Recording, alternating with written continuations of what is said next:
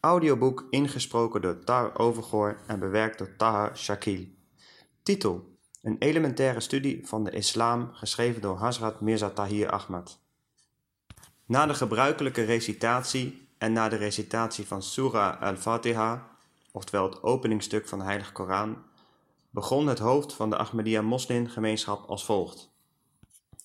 Ik beschouw het een bijzondere eer dat de afdeling Islamitische Studies van de Universiteit van Sevilla het gepast heeft geacht om mij hier vanavond uit te nodigen om u toe te spreken over de basisbeginselen van de islam. Voordat ik kwam, werd ik geadviseerd om te spreken over de grondbeginselen van de islam, zodat de studenten die niet goed zijn onderlegd in dit onderwerp en die slechts een elementaire kennis hebben, in staat zouden zijn dit te begrijpen. Dit verbaasde mij werkelijk. Het verbaasde mij in de eerste plaats omdat ik verwachtte dat universitaire studenten er beter aan toe zouden zijn. Op de tweede plaats was ik verbaasd omdat Spanje een lange geschiedenis heeft van contacten met de islam. Toch, om dat contact zo volledig te hebben verloren dat zelfs de geringste indruk is uitgewist, is werkelijk verbazingwekkend. Ik ben hier vandaag om de fundamentele leerstellingen van de islam bij u te introduceren.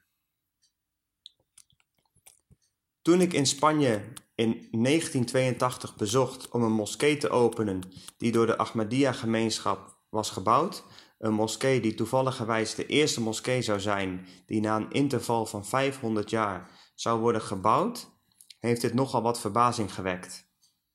Gedurende mijn persconferentie werd ik steeds geconfronteerd met dezelfde vragen met betrekking tot waarom wij naar Spanje komen.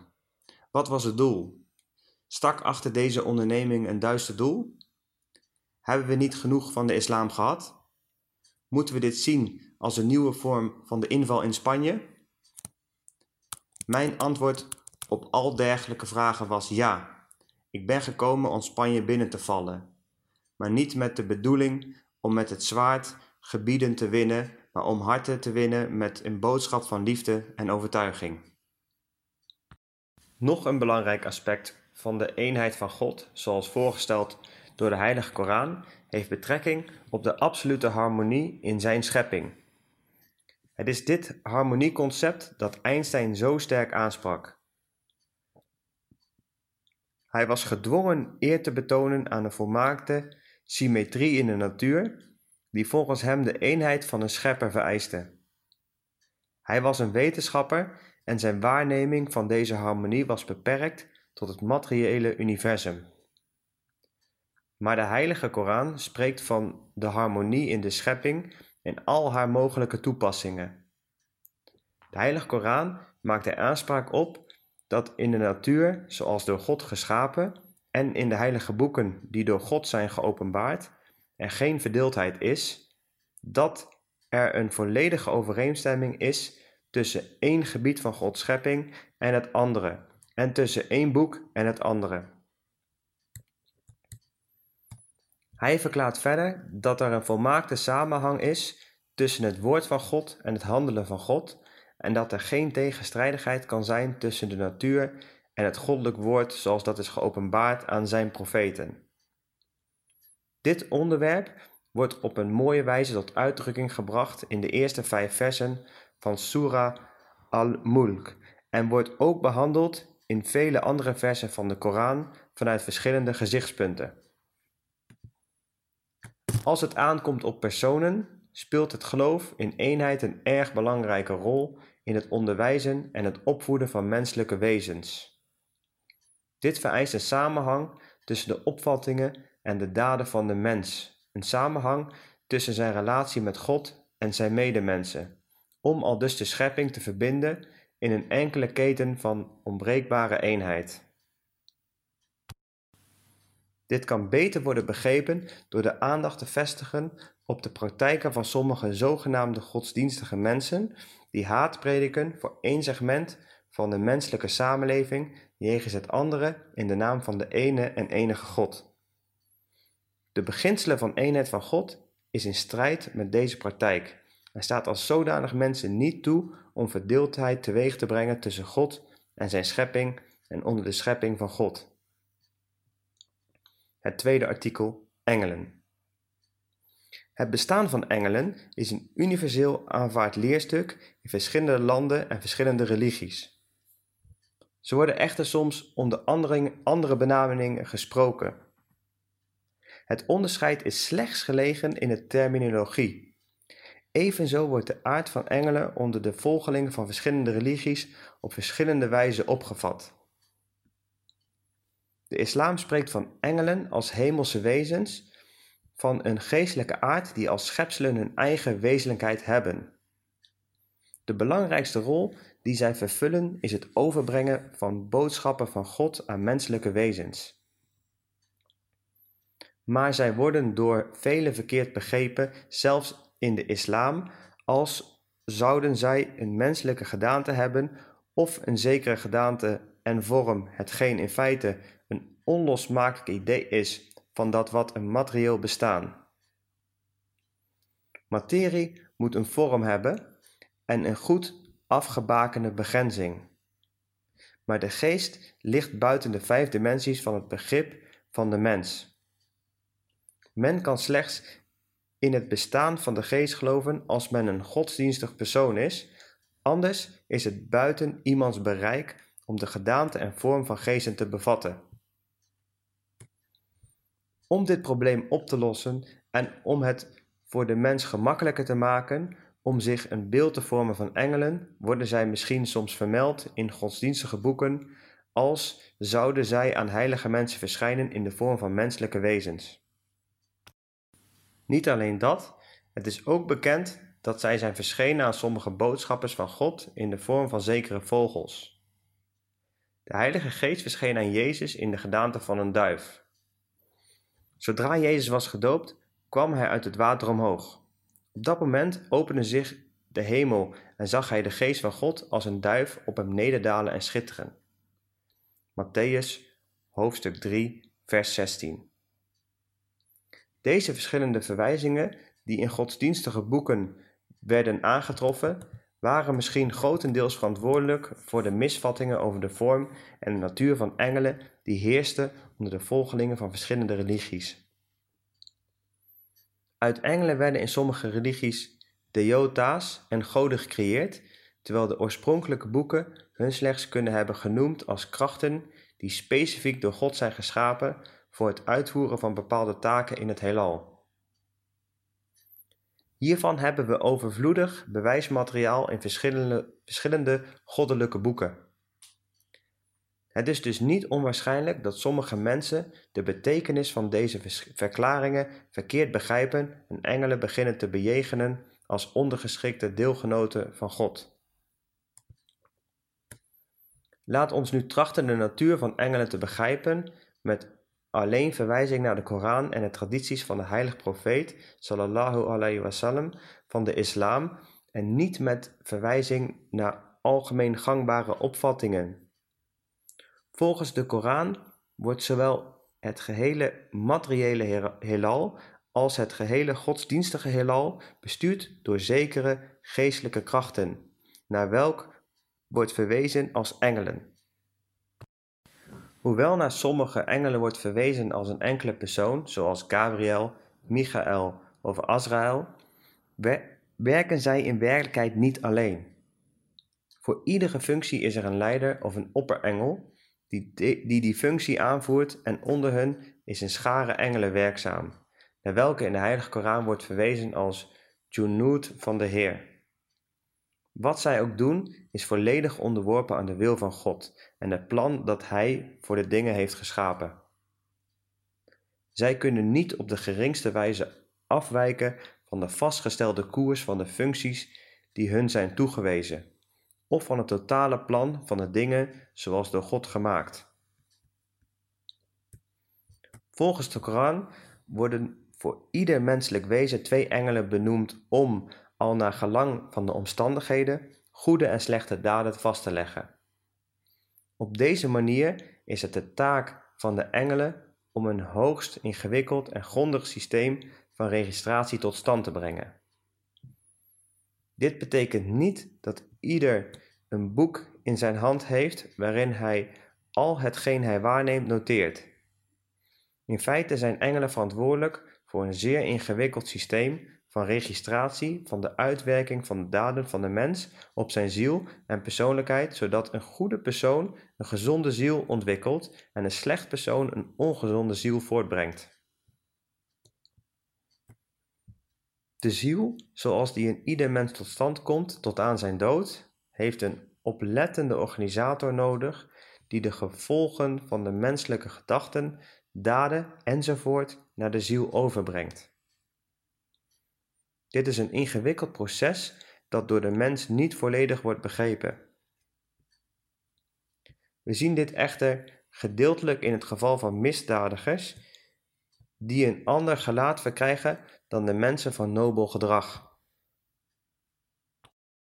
Het is in het geheel niet onmogelijk voor iemand om een dergelijk verschil waar te nemen, hoewel dit niet kan worden omschreven in termen van zwart en wit of in andere materiële bewoordingen.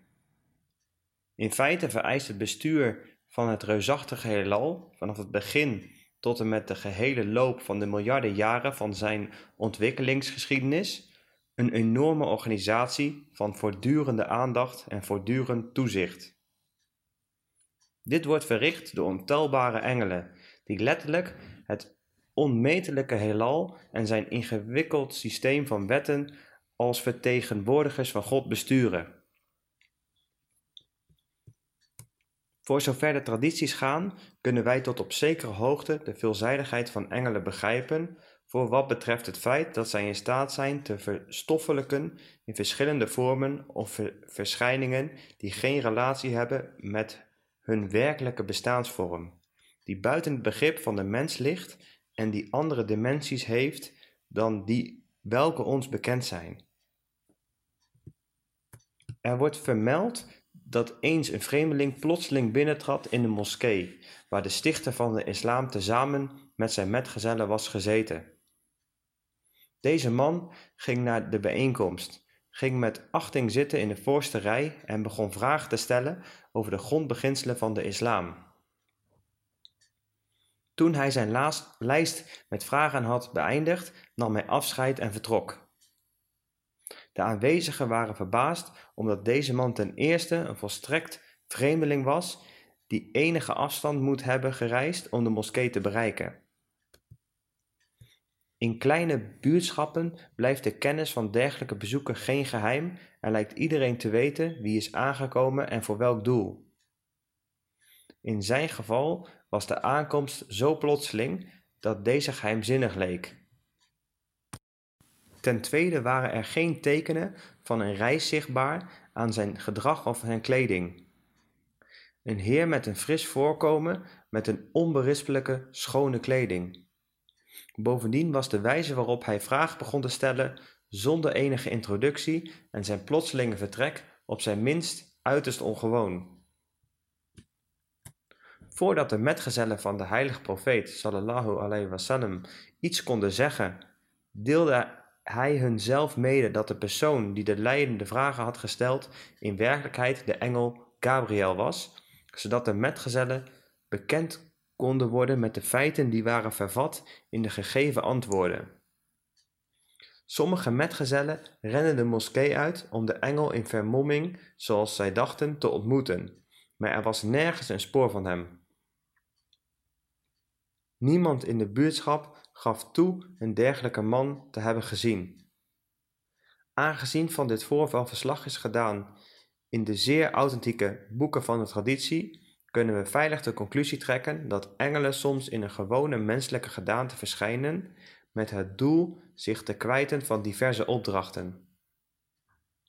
We treffen vermeldingen van engelen aan in vele andere tradities, in het bijzonder met betrekking tot de slag van Badr en de slag van Uhud, maar het zou wellicht niet gepast zijn om, dit, om over dit onderwerp een uitvoerige verhandeling te beginnen. Tegenover de opvatting van de Koran zoals hierboven is uitgelegd, heeft in bijna ieder land de algemeen gangbare opvatting over engelen onder de volgelingen van verschillende religies meer de vorm van sprookjes dan dat ze behoren tot een hemelse vorm van bestaan. Men zegt dat ze vleugels hebben als vogels of veeën en deze op en neerslaan als ze van plaats naar plaats vliegen. Deze misvatting is misschien ontstaan uit het al te letterlijk interpreteren van religieuze terminologie die cryptisch is en in de meeste gevallen metaforische toespelingen bevat. Zo zien we ook in de Heilige Koran dat met betrekking tot engelen van vleugels sprake is, omdat van hun wordt gezegd dat zij twee, drie en vier vleugels hebben. Alle lof behoort aan Allah, de maker van de hemelen en de aarde, die de engelen als boodschappers in dienst heeft, die vleugels hebben, twee, drie en vier. De Heilige Koran, hoofdstuk 35, vers 2. De Heilige Koran heeft een heel, hele bijzondere stijl van het verduidelijken van al zulke passages waar het gevaar van onduidelijkheid op de loer ligt. Hij doet dit met behulp van andere vergelijkbare gebruiken. De vleugels bijvoorbeeld worden ook genoemd met betrekking tot de houding van een zoon ten opzichte van zijn bejaarde ouders. Als we voortbouwen op dit onderwerp, maant de Heilige Koran de zoon om zijn vleugel van genade neer te slaan over zijn ouders, aangezien zij hem opvoeden vanaf zijn kindertijd. Vleugel betekent alleen eigenschappen en krachten, en wij geloven dat het in deze betekenis is dat vleugels worden toegeschreven aan engelen of aan personen die van onder de verschillende religies aanspraak maken op goddelijke manifestatie. In de Gita bijvoorbeeld is bekend dat Krishna vier armen bezit in plaats van twee. Daar dient het extra paar armen hetzelfde doel als de vleugels die we in andere goddelijke boeken aantreffen. Engelen zijn verantwoordelijk voor het controleren en handhaven van de natuurwetten. Virussen en bacteriën worden bestuurd, georganiseerd en onderhouden door specifieke engelen die in harmonie met elkaar samenwerken om een volmaakt evenwicht te handhaven. Evenzo bestaan ecosystemen niet bij toeval en zijn zij niet chaotisch, maar worden gereguleerd door onzichtbare geestelijke wezens die we engelen noemen. Het geval van de gevallen engel. Er is nog een zeer misverstane gebeurtenis met betrekking tot Satan. Gezegd wordt en gelooft dat hij voor zijn val behoorde tot de categorie van engelen. De Heilige Koran verwerpt deze opvatting en stelt Satan voor als een wezen dat een vurige natuur bezit, en dat al dus tot zulke levensvormen behoort die uit vuur zijn geschapen, zoals bijvoorbeeld de djinn. De boeken. Laten we ons nu wenden tot het derde geloofsartikel, dat het geloof in de boeken is. Van moslims wordt vereist dat zij niet alleen geloven in het goddelijke schrift dat is geopenbaard aan de heilige stichter van de islam, dat de Koran wordt genoemd, maar het is noodzakelijk voor iedere moslim om in al die goddelijke openbaringen te geloven die werden gegeven aan andere profeten, ongeacht waar vandaan en van welk tijdperk. Het is een wezenlijk onderdeel van het geloof van een moslim dat als iemand alleen geloof betuigt in de goddelijke oorsprong van de Koran en weigert de goddelijke oorsprong te erkennen van andere boeken, zoals het Oude en het Nieuwe Testament, etc., zijn beleiden van de islam ongeldig zou worden gemaakt. Dit geloof lost sommige problemen op, maar creëert andere en het behoeft een uitvoerige bestudering. Het verschaft de enige basis waarop de eenheid van de mens kan worden geschapen op aarde, overeenkomstig zijn geloof in de eenheid van God. Het verwijdert de grondoorzaak die verantwoordelijk is voor religieuze verdeeldheid en wantrouwen. Maar dit geloof in de goddelijke oorsprong van alle boeken werpt enkele erg moeilijk te beantwoorden vragen op. Als we de boeken die er aanspraak op maken van goddelijke oorsprong te zijn bestuderen, treffen we niet alleen tegenstellingen aan in de randgebieden van hun leerstellingen, maar ook in de gebieden van elementaire en fundamentele geloofsovertuigingen. Dit kon niet zo zijn als zij afkomstig waren van dezelfde eeuwige bron van licht. Dit punt kan goed worden geïllustreerd door het feit dat veel van zulke boeken passages bevatten die zodanig door hun volgelingen worden begrepen en geïnterpreteerd dat ze leiden naar het geloof in mindere godheden die goddelijkheid delen met het ene opperste wezen. In sommige boeken wordt God voorgesteld als het hoofd van een familie van goden die echtgenotes, zonen en dochters heeft. In sommige andere boeken worden heilige menselijke personen zulke bovenmenselijke krachten toegekend die het alleen God betaamt deze te bezitten. Er zijn andere boeken in welke de eenheid van God zo sterk en compromisloos wordt benadrukt dat ze voor niemand ruimte laten om Gods eigenschappen te delen in welke hoedanigheid ook. De Koran steekt in dit opzicht uit boven alle geschriften van de grote wereldsgoddiensten. Hoe lost de Koran dit dilemma op? Dat is de vraag. Volgens de Koran is het een algemene neiging van de mens om de goddelijke leer die de stichter van hun religie werd gegeven, geleidelijk aan te interpoleren.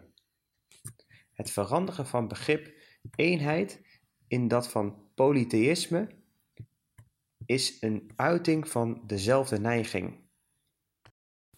We kunnen zeker een bewijs van de waarheid van deze uitspraak vinden door de geschiedenis van wijziging in de tekst of de interpretatie van de tekst na te gaan. Vanaf de tijd van de eerste openbaring ervan. Dit is waarom de Heilige Koran nadrukkelijk onze aandacht vestigt op het feit dat alle goddelijke boeken in hun fundamentele leerstellingen alleen overeenstemden ten tijde van hun begin. Het is niet nodig om de moeizame inspanningen te doorlopen van de geschiedenis van de verandering, omdat er logischerwijs geen andere conclusie kan zijn dan die welke is getrokken door de Koran. Als er geen andere God is dan het ene opperwezen en als de aanspraken van alle religies is dat hun goddelijke boeken van God afkomstig zijn, moeten worden aangenomen, dan moet er onder al dergelijke boeken overeenstemmigheid zijn, op zijn minst wat betreft de grondbeginselen. Dit gezegd hebbende wordt men geconfronteerd met een nog belangrijke vraag betreffende de wijze waarop men de oorspronkelijke leerstellingen, die gemeenschappelijk zijn in alle godsdiensten, kan vaststellen. Men moet een logisch aanvaardbare methodiek vinden om het juiste van het verkeerde te scheiden. De fundamentele geloofsovertuigingen vanuit het gezichtspunt van de Heilige Koran zijn zo in overeenstemming met de menselijke natuur dat ze zich eenvoudigweg vestigen in de menselijke harten door de zuivere kracht van de waarheid ervan. Dit zijn de volgende. En hun werd slechts bevolen Allah te dienen, oprecht zijnde in gehoorzaamheid aan Hem, en rechtschapen zijnde en het gebed in acht te nemen en de zakat te betalen. En dat is de godsdienst van de mensen van het rechte pad. De Heilige Koran, hoofdstuk 98, vers 6. Dit betekent dat alle stichters van de godsdiensten in de wereld onvoorwaardelijk werd verteld dat zij de ene en enige God moesten aanbidden met alle oprechtheid en zich enkel onvolledig moesten toewijden aan Hem alleen. Hun werd ook verteld de reguliere gebeden, zoals deze in godsdienst waren ingesteld, te verrichten en voor de zaak van God te besteden voor de behoeftigen en de armen en voor andere soortgelijke filantropische doelen. Het is moeilijk het hierover oneens te zijn, tot welke godsdienst men ook mogen behoren. In deze inleidende verhandeling wensen wij niet verwikkeld te zijn in een lange discussie over de verschillende wijzen van aanbidding zoals door God voorgeschreven en de redenen waarom deze verschillend zijn. Op dit moment richten we onze aandacht op de redenen waarom godsdiensten verschillend lijken te zijn, zowel in grondbeginselen als in de gedetailleerde leerstellingen. In het kort kunnen we zeggen dat het tand destijds meedogenloos is en dat het begrip van verval onlosmakelijk is verbonden met het begrip tijd. Alles wat nieuw is, moet ouder beginnen te worden en moet veranderen. Men kan met verwondering kijken naar de ruïnes van prachtige kastelen, maar zelfs de gebouwen die zijn gebouwd door dezelfde monarchen en ontworpen door dezelfde architecten zijn geen uitzondering op deze wet. Soms worden ze door latere generaties verfraaid en wordt het ontwerp zo drastisch gewijzigd dat iedere gelijkenis met de oorspronkelijke vorm ervan verloren gaat. Soms worden ze verlaten en worden het ruïnes. Volgens de Koran zijn de gebieden van compromisloze verschillen in alle godsdiensten het handwerk van mensen die tot latere tijden behoren. In het licht van deze universeel gangbare leerstelling van de Heilige Koran lijkt de islam de weg te hebben bereid voor de eenmaking van alle religies, tenminste waar het de grondbeginselen betreft. Aldus ruimt hij door mensen opgeworpen hindernissen en belemmeringen uit de weg die zijn gecreëerd om religies apart te houden als duidelijk afzonderlijke entiteiten. De reden die hierboven is genoemd is niet de enige die verantwoordelijk is voor het uiteenlopen in de leerstellingen dat in verschillende boeken wordt waargenomen. Sommige verschillen werden zeker niet door de mens gemaakt, maar werden ingegeven door de vereisten van de tijd. Aangezien de mens geleidelijk aan vooruitgang maakte op de verschillende gebieden van beschaving en cultuur, wetenschap en economie in de verschillende stadia van zijn geschiedenis, had hij behoefte aan specifiek onderricht dat betrekking had op dat tijdsbestek en zou een goddelijk boek worden geopenbaard om hem te onderrichten.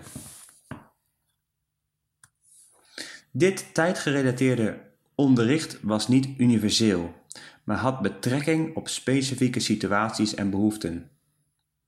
In zekere tijdperken leefde de mens niet erg ver verwijderd van die van de minder dan menselijke levensvormen. Zijn intellectuele vooruitgang was beperkt, zijn kennis van het heelal gering. Hij was zichzelf niet eens volledig bewust van de wereld die hij bewoonde. De communicatiebewijzen die hem ter beschikking stonden waren volkomen ontoereikend om hem behulpzaam te zijn de aard en de uitgestrektheid van de aarde en de universaliteit van de mens te begrijpen. Erg vaak was zijn bewustzijn van het bestaan slechts beperkt tot kleine stukken land of tot de staat tot welke hij behoorde. In veel goddelijke boeken die in die tijden werden geopenbaard, wordt geen melding gemaakt van de wereld buiten het beperkte gebied van de mensen tot wie de boeken waren gericht. Dit betekent niet noodzakelijkerwijs, zoals sommige seculiere filosofen ons zouden willen doen geloven, dat dit feit een voldoende bewijs levert dat de boeken in kwestie eerder door de mens waren gemaakt dan dat ze van goddelijke oorsprong waren. Al het goddelijke onderricht had niet alleen betrekking op de behoeften, maar ook op de informatie die de mensen van het tijdperk bezaten, Anders zouden de mensen van dat tijdperk bezwaren hebben kunnen maken tegen de boodschappers van die tijd door hun te beschuldigen van het weerspreken van algemeen vaststaande feiten. Dit zou een onoplosbaar dilemma kunnen vormen voor de profeten, aangezien zij dezelfde kennis bezaten als het volk. Veel interessante voorbeelden hiervan kunnen worden aangehaald uit de Heilige Koran, waar het begrip van de natuur, zoals dit bij de mensen van die tijd bekend was door geleerde mensen van latere tijden als onjuist zou worden bewezen. Welk standpunt de Heilige Koran ook innam, dit zou toch gevoelig zijn voor bezwaren of door tijdgenoten of door mensen van een later tijdperk. Het is verbazingwekkend hoe de Koran dit probleem oplost en dit kan geen zins worden bekritiseerd, ook niet door de tegenwoordige filosofen en wetenschappers. De volgende illustratie zal van bijzonder belang zijn. Iemand uit deze tijd behoeft niet hoog ontwikkeld te zijn om te weten dat de aarde om haar eigen as draait. Maar als iemand deze bewering 1400 jaar geleden had gedaan en het waagde dit aan God toe te schrijven, dan zou hij, dan zou hij of onmiddellijk zijn afgewezen als iemand die volstrekt onwetend is, of dan zou God zijn bespot als zou hij geen kennis bezitten van dingen die hij verklaart te hebben geschapen. De Heilige Koran, die een universeel boek is voor alle tijden, moest dit onderwerp, alles samengenomen, wel vermelden of de mensen van latere tijden, zoals de onze, zouden het boek terecht het verwijt hebben gemaakt dat het geen kennis bezit van het heelal. De Heilige Koran neemt deze uitdaging om, onomwonden aan en spreekt van de bergen in het volgende vers alsof ze drijven of varen als wolken, terwijl de mensen ze als stilstaand waarnemen. En zij ziet de bergen, en gij denkt ze onbewegelijk, terwijl ze als de wolken voorbij gaan. De Heilige Koran, hoofdstuk 27, vers 89. Vanzelfsprekend zouden bergen niet drijven zonder dat de aarde met ze zou meebewegen. Maar als grammaticale vervoeging is de toekomstige tijd, oftewel musaria, gebruikt, die hetzelfde is voor zowel de onvoltooid tegenwoordige als de toekomende tijd.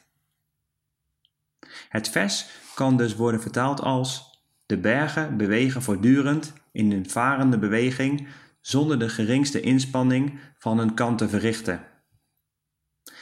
Het kan ook worden vertaald als: De bergen zullen bewegen alsof ze aan het varen waren. De mensen van die tijd zouden hun toevlucht hebben kunnen nemen tot deze tweede keus, maar zij vergeten nota te nemen van een ander gedeelte van hetzelfde vers dat zegt: Terwijl u denkt dat ze onbewegelijk zijn. Hoe kon de mens van welke tijd ook denken dat de bergen onbewegelijk zijn, als ze plotseling zouden beginnen te bewegen? De beschrijving van het bewegen ervan laat nergens ruimte voor iemand die op aarde leeft om rustig het verbazingwekkende verschijnsel gade te slaan dat in het vers wordt genoemd. Het is daarom logisch dat de enig deugdelijke vertaling zou zijn: Terwijl u van mening bent dat de bergen onbewegelijk zijn, zijn ze in feite voortdurend in beweging. Er zijn vele andere dergelijke voorbeelden die uit de Heilige Koran kunnen worden aangehaald, maar ik heb deze al toegelicht in een andere toespraak van mij, die is getiteld Rationaliteit en openbaring in verhouding tot kennis en waarheid.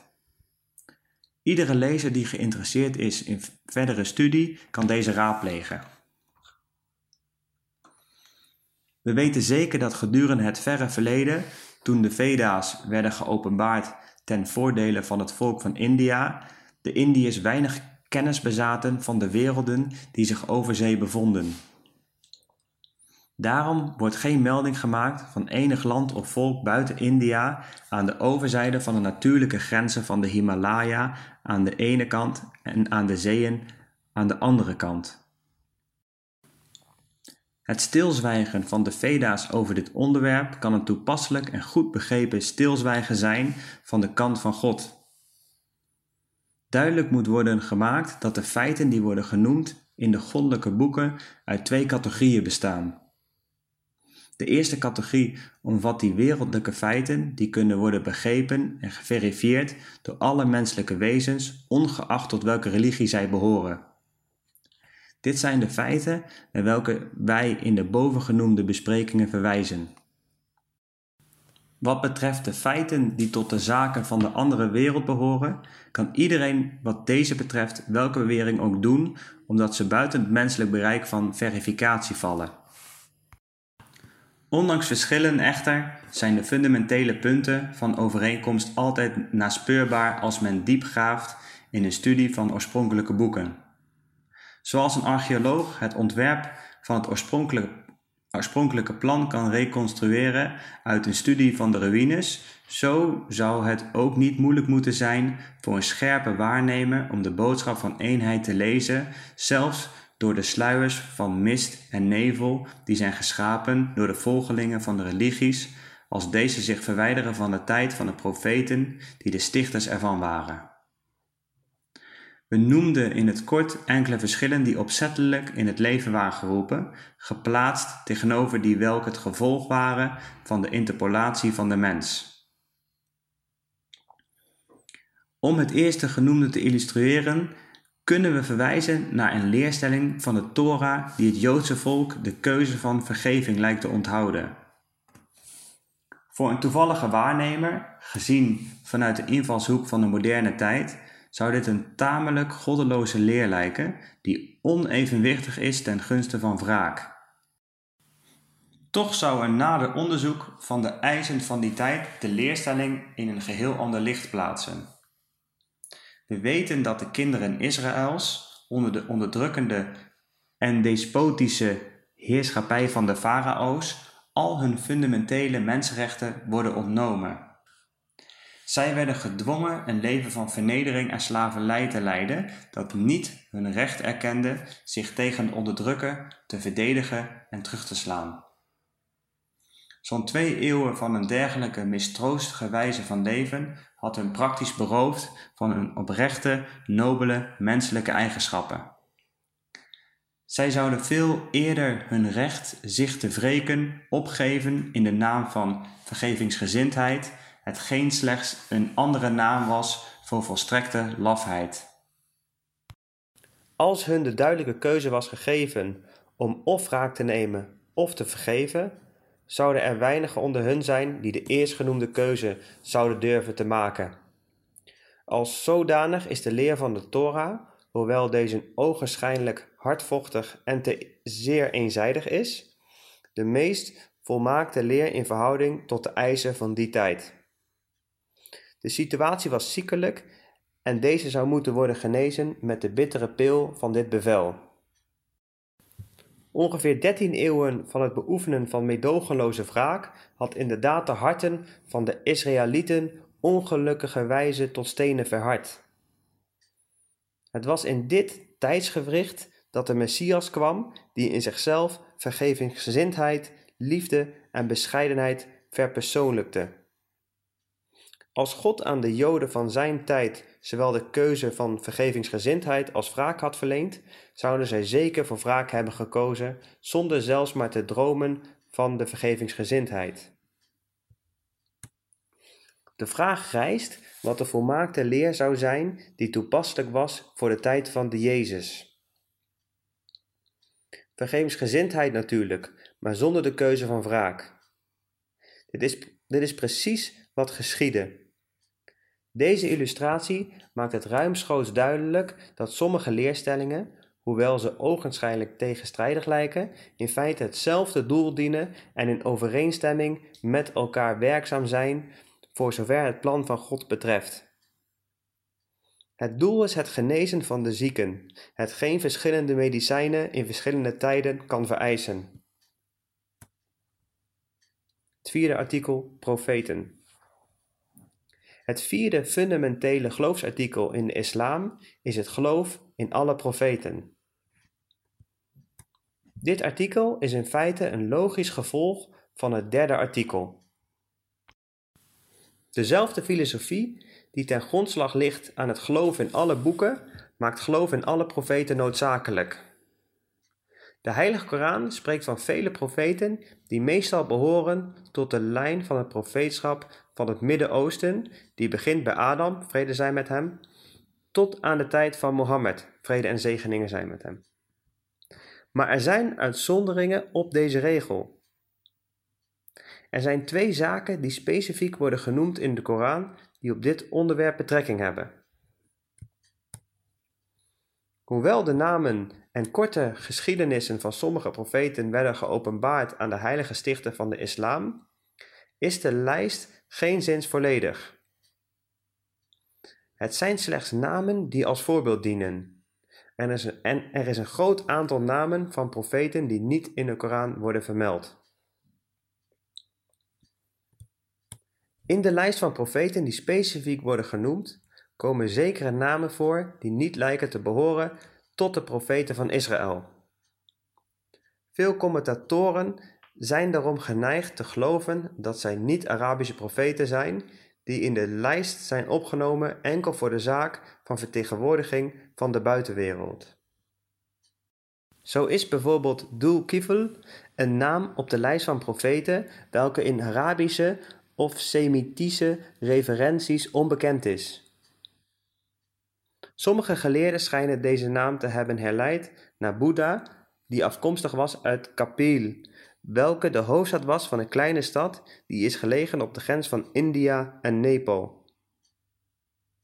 Boeddha behoorde niet alleen tot Kapil, maar naar hem werd ook menigmaal verwezen als iemand die uit Kapil afkomstig was.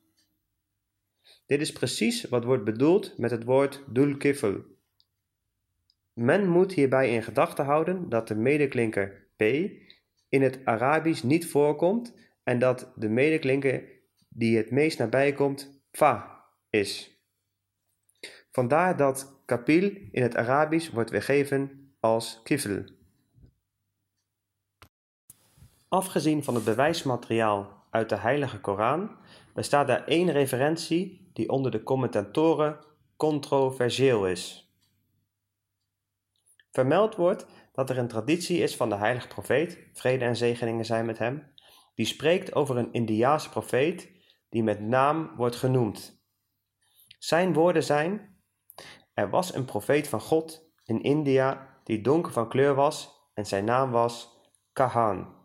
Bron Tariq Hamdani Delmi en Dasturul Ulema al Yamiul Ulum fi Istilahatil Funun door Kadi Abdun Nabi.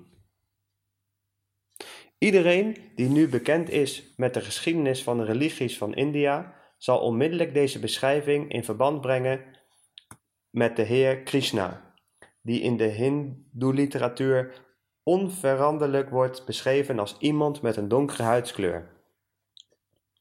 Ook wordt de titel Kanhaya toegevoegd aan zijn naam Krishna. Kanhaya bevat dezelfde medeklinkers K, N, H als de naam Kahan, hetgeen geenszins een onbetekende overeenkomst is. Maar of een zekere niet-Arabische profeet al dan niet met naam werd genoemd, is slechts een zuiver theoretische discussie.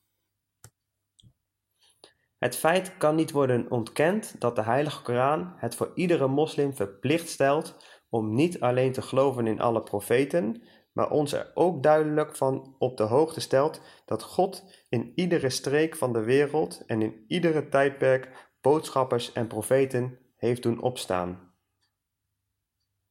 Dit principiële geloof in de waarheid van de profeten die de stichters zijn van godsdiensten en ook de ondergeschikte profeten van andere religies is een unieke bekendmaking door de Koran die in alle andere goddelijke boeken afwezig is.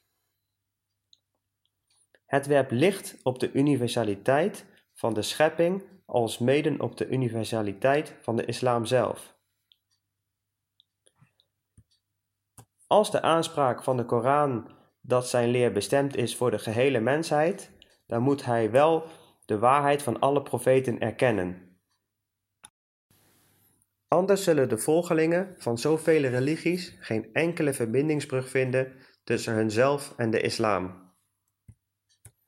De erkenning van de waarheid van alle boeken en de erkenning van de waarheid van alle profeten is een revolutionaire bekendmaking die voor de mens als geheel vele voordelen heeft. Onder andere baant zij op krachtige wijze de weg voor interreligieuze vrede en harmonie.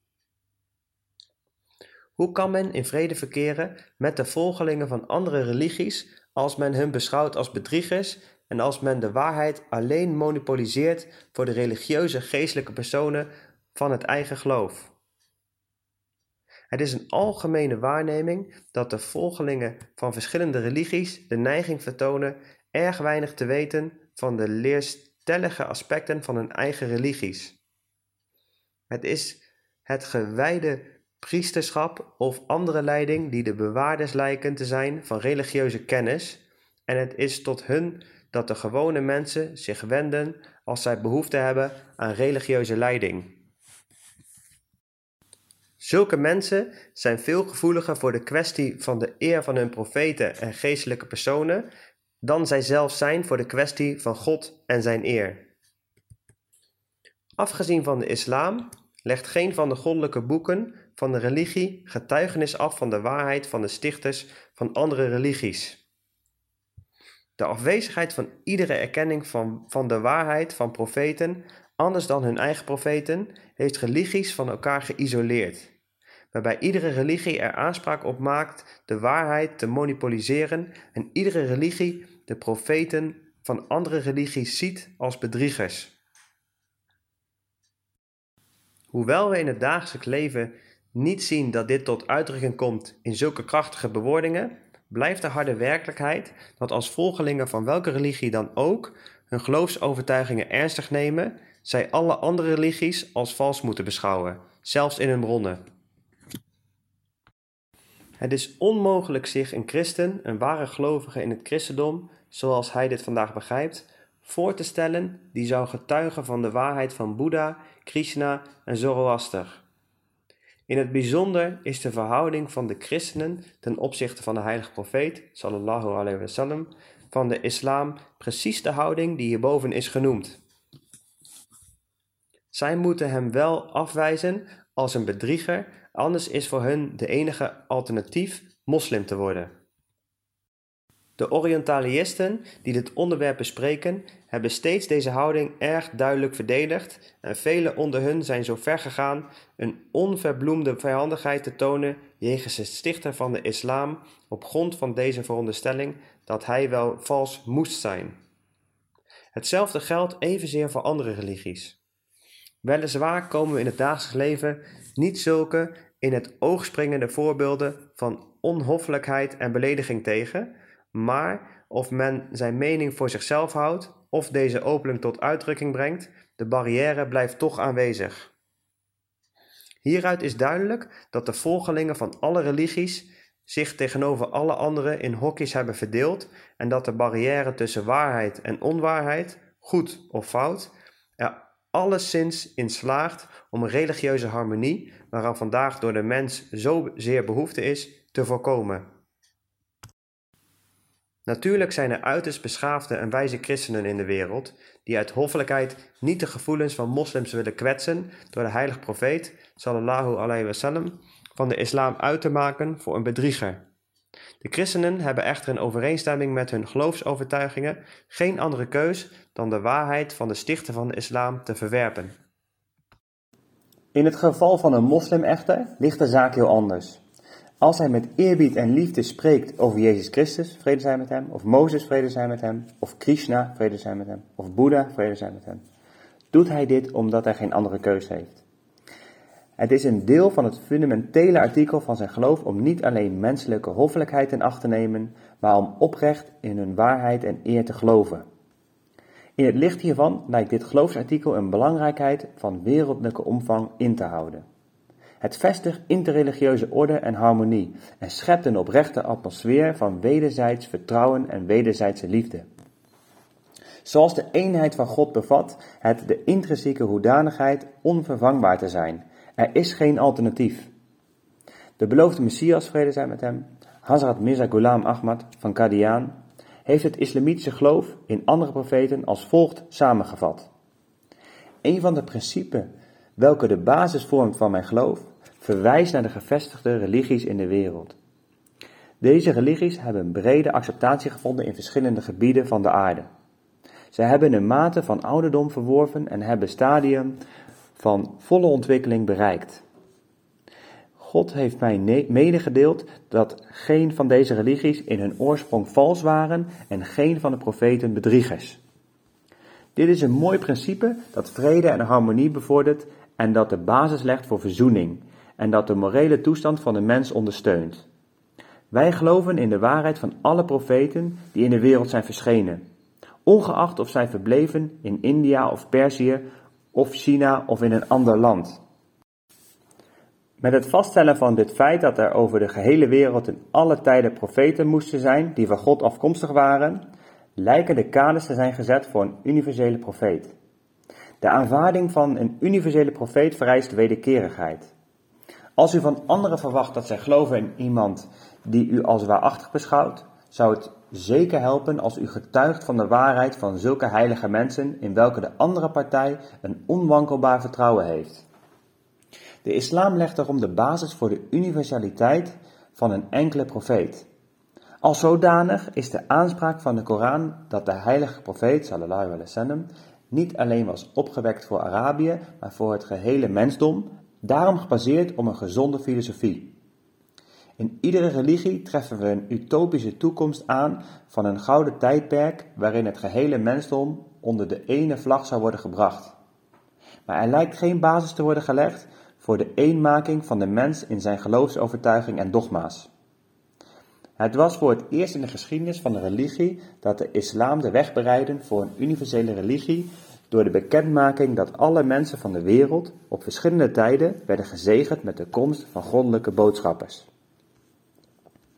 Volgens de Heilige Koran is de instelling van het profeetschap universeel en tijdloos. Er worden twee uitdrukkingen gebruikt om hetzelfde ambt aan te duiden, elke met enigszins andere betekenissen. De uitdrukking An-Nabi heeft de betekenis van profeetschap. Hun die God verkiest hem te vertegenwoordigen, worden bekleed met de kennis van zekere belangrijke gebeurtenissen betreffende de toekomst. Hun wordt ook verteld over zaken uit het verleden die voor de mensen onbekend waren, en hun kennis hiervan vormt een teken dat zij op de hoogte worden gesteld door een alwetend wezen. De profetie vestigt als zodanig de waarheid van de profeten, zodat de mensen zich aan hen mogen onderwerpen en hun boodschap mogen aanvaarden. De tweede uitdrukking die in verband met profeten wordt gebruikt is arasul of boodschapper. Dit verwijst naar zulke inhoud van de openbaring van de profeet die belangrijke boodschappen behandelt die namens God aan het mensdom moeten worden overgebracht. Die boodschappen kunnen gaan over nieuwe wetgeving of ze kunnen de mensen eenvoudigweg waarschuwen voor hun vroegere dwalingen met betrekking tot eerder geopenbaarde wetten. Deze beide ambten verenigen zich in één enkele persoon en als zodanig kunnen alle profeten boodschappers worden genoemd en alle boodschappers profeten.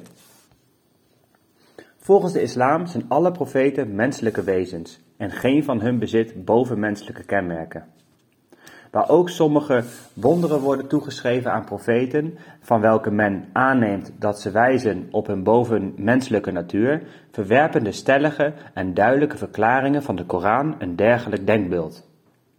Het doen opstaan uit de dood is een van zulke wonderen die aan sommige profeten worden toegeschreven.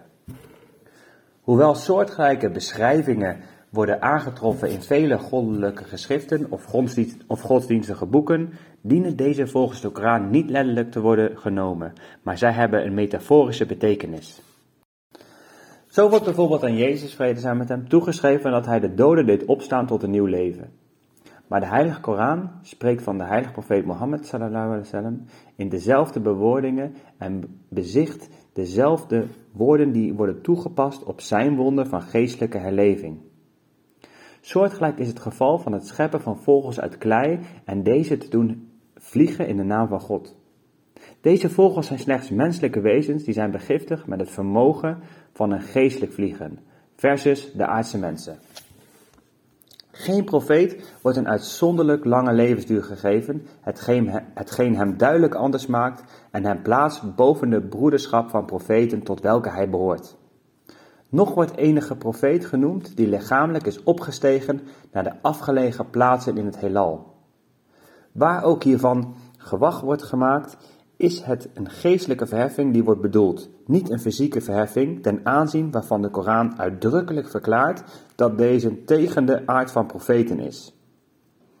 Toen de heilige stichter sallallahu van de islam door de mensen van het boek werd gevraagd om fysiek op te stijgen naar de hemel en een boek mee terug te brengen, was het antwoord dat God hem onderwees eenvoudig dit. قل سبحان ربي هل كنت إلا بشرا رسولا Zeg tot hun, mijn Heer staat ver boven zulk kinderlijk gedrag. Ik ben niet meer dan een menselijk wezen als een profeet. Dit antwoord verwerpt alle aanspraken over andere profeten die, naar wordt aangenomen, fysiek naar de hemel zijn opgestegen. Het argument dat in dit antwoord ligt besloten, is dat geen menselijk wezen en geen profeet lichamelijk naar de hemel kan opstijgen, anders kon de profeet Mohammed sallallahu alaihi wasallam hetzelfde wonder ook hebben herhaald. De nadruk op de menselijke kenmerken van profeten en hun menselijke beperkingen is een van de mooiste kenmerken van de fundamentele islamitische leer. Profeten stijgen niet uit boven hun medemensen omdat zij waren begiftigd met bovenmenselijke eigenschappen, maar alleen omdat zij een beter verslag gaven van de eigenschappen waarmee zij waren begiftigd. Zij bleven menselijk, ondanks het feit dat zij tot grote geestelijke hoogte waren gestegen. En hun gedrag is als zodanig onafvolgbaar voor andere menselijke wezens. Op het punt van de continuïteit van het profeetschap verklaart de islam uitdrukkelijk dat de heilige profeet sallallahu alaihi wasallam van de islam de laatste van de wetgevende profeten is en de Koran het laatste goddelijke wetboek, dat is volmaakt en beschermd tot aan het eind der tijden. Het ligt voor de hand dat een boek dat volmaakt is en ook beschermd is tegen interpolatie uitstijgt boven wijziging. Gewaarborgd wordt dat op beide punten geen wijziging zal plaatsvinden. Zolang een boek volmaakt is en beschermd tegen menselijke interpolatie, is aanpassing niet gerechtvaardigd.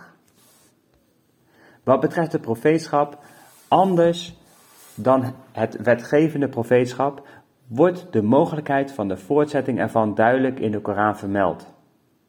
Weer zijn er duidelijke profetieën over zulke goddelijke hervormers die volledig ondergeschikt zouden zijn aan de heilige stichter sallallahu alaihi wasallam van de islam en het heilige boek, de Koran. Het volgende vers uit Surah An-Nisa laat hierover geen dubbelzinnigheid bestaan. ومن يطع الله والرسول فأولئك مع الذين أنعم الله النبيين من النبيين والصديقين والشهداء والصالحين وحسن أولئك رفيقا En wie Allah en deze boodschappen gehoorzaamt, zal zijn onder hun aan wie Allah zijn zegening heeft geschonken, namelijk de profeten, de waarachtigen, de martelaren en de rechtsgeschapenen. Kortom, in de Koran wordt verklaard dat de islam de laatste volmaakte religie is ten voordele van de mensheid, waarna geen nieuw leer zal worden geopenbaard om de leer van de islam te niet te doen. Nog zal een nieuwe onafhankelijke profeet worden geboren buiten het domein van de islam. Een nieuwe profeet zal volledig ondergeschikt zijn aan de heilige profeet Mohammed, mogen de vrede en zegening van Allah met hem zijn. De profeten zijn altijd gekomen om een boodschap over te brengen. Die boodschap was niet beperkt tot de gebieden van geloofsopvatting, maar omvatte ook de gebieden van de beoefening en de uitvoering van de geloofsovertuiging. De leer is verdeeld in twee grote categorieën. 1. Hoe de relatie met God te verbeteren. En 2. Hoe zich te gedragen met betrekking tot de medemens. Deze twee categorieën omvatten in feite alle aspecten van religieuze wetten. We kunnen niet in een uitvoerige discussie treden over hoe deze taak tot in de perfectie wordt uitgevoerd in de islam, maar misschien zou het gepast zijn om enkele belangrijke kenmerken van deze leer, die een universeel karakter is, toe te lichten. Gebed. Aanbidding is gemeenschappelijk voor alle religies. Wat verschilt is slechts de wijze en de manier van aanbidding. Wat uniek is in de islamitische wijze van aanbidding, is dat deze kenmerken bevat van de wijze waarop het gebed wordt verricht, die wordt aangetroffen in andere religies. Sommige mensen bidden tot God in een staande houding en sommige in een zittende houding. In sommige religies gedenken mensen God door voor hem te knielen, terwijl anderen zich voor hem nederbuigen. Sommigen staan voor hem met gevouwen armen en anderen met armen die zij naast zich laten hangen. Kortom, Er is niet één enkele wijze van aanbidding die gemeenschappelijk is in alle religies als geheel. Het is echter fascinerend te zien dat de islam zijn volgelingen zo uitgebreid instrueert betreffende de wijze van gebed, dat alle houdingen van aanbidding die in andere religies worden aangetroffen, op symbolische wijze worden weergegeven in het moslimgebed.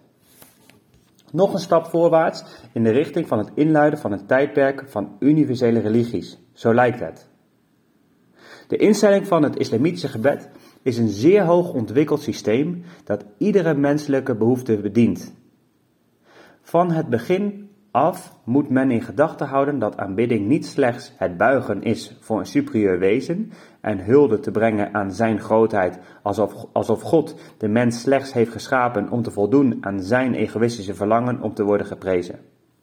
Alle doelen die worden genoemd met betrekking tot de filosofie van aanbidding en de wijze waarop van, van een moslim wordt vereist zijn gebed te verrichten, maakt het overduidelijk dat het voordeel van gebed wordt behaald door de aanbidder zelf. En op geen enkele wijze kan dit worden opgevat als een gunst aan God. De Heilige Koran verklaart dat God geen behoefte heeft aan de lofprijzingen van mensen. Hij is zo groot in zijn edelmoedigheid en zo subliem in zijn aard, dat de lofprijzingen van zijn schepselen niets toevoegt aan zijn grootmoedigheid en majesteit.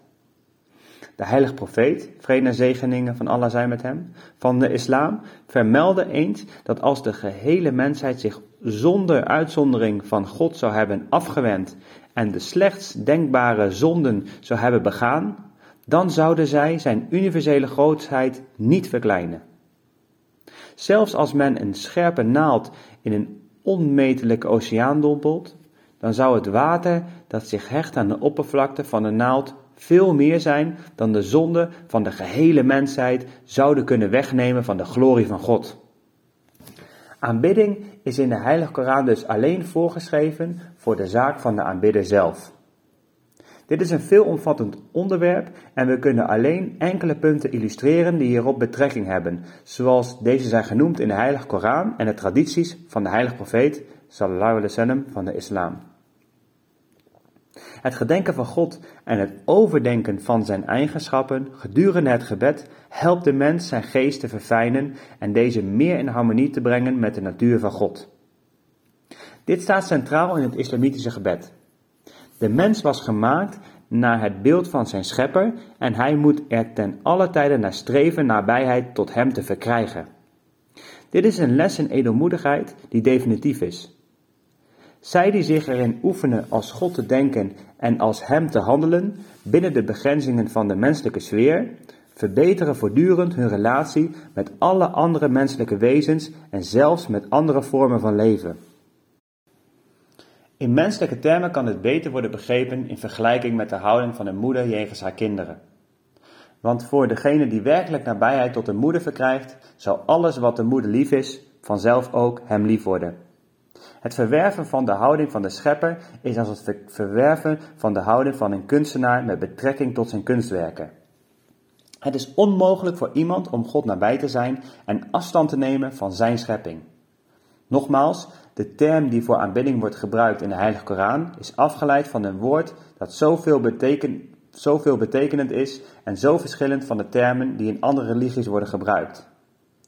Ain, Ba, Dal, oftewel A, B, D, zijn drie letters die als wortel fungeren en die de grondbetekenis hebben van slavernij.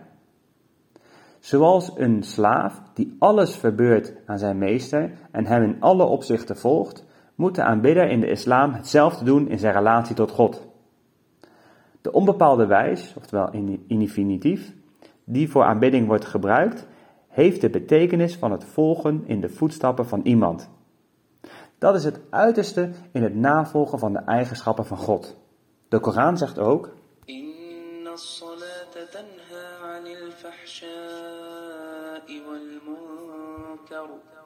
Voorwaar, het gebed weerhoudt de aanbidder van het zich overgeven aan alles wat in strijd is met de waardigheid of onwelvoegelijk is.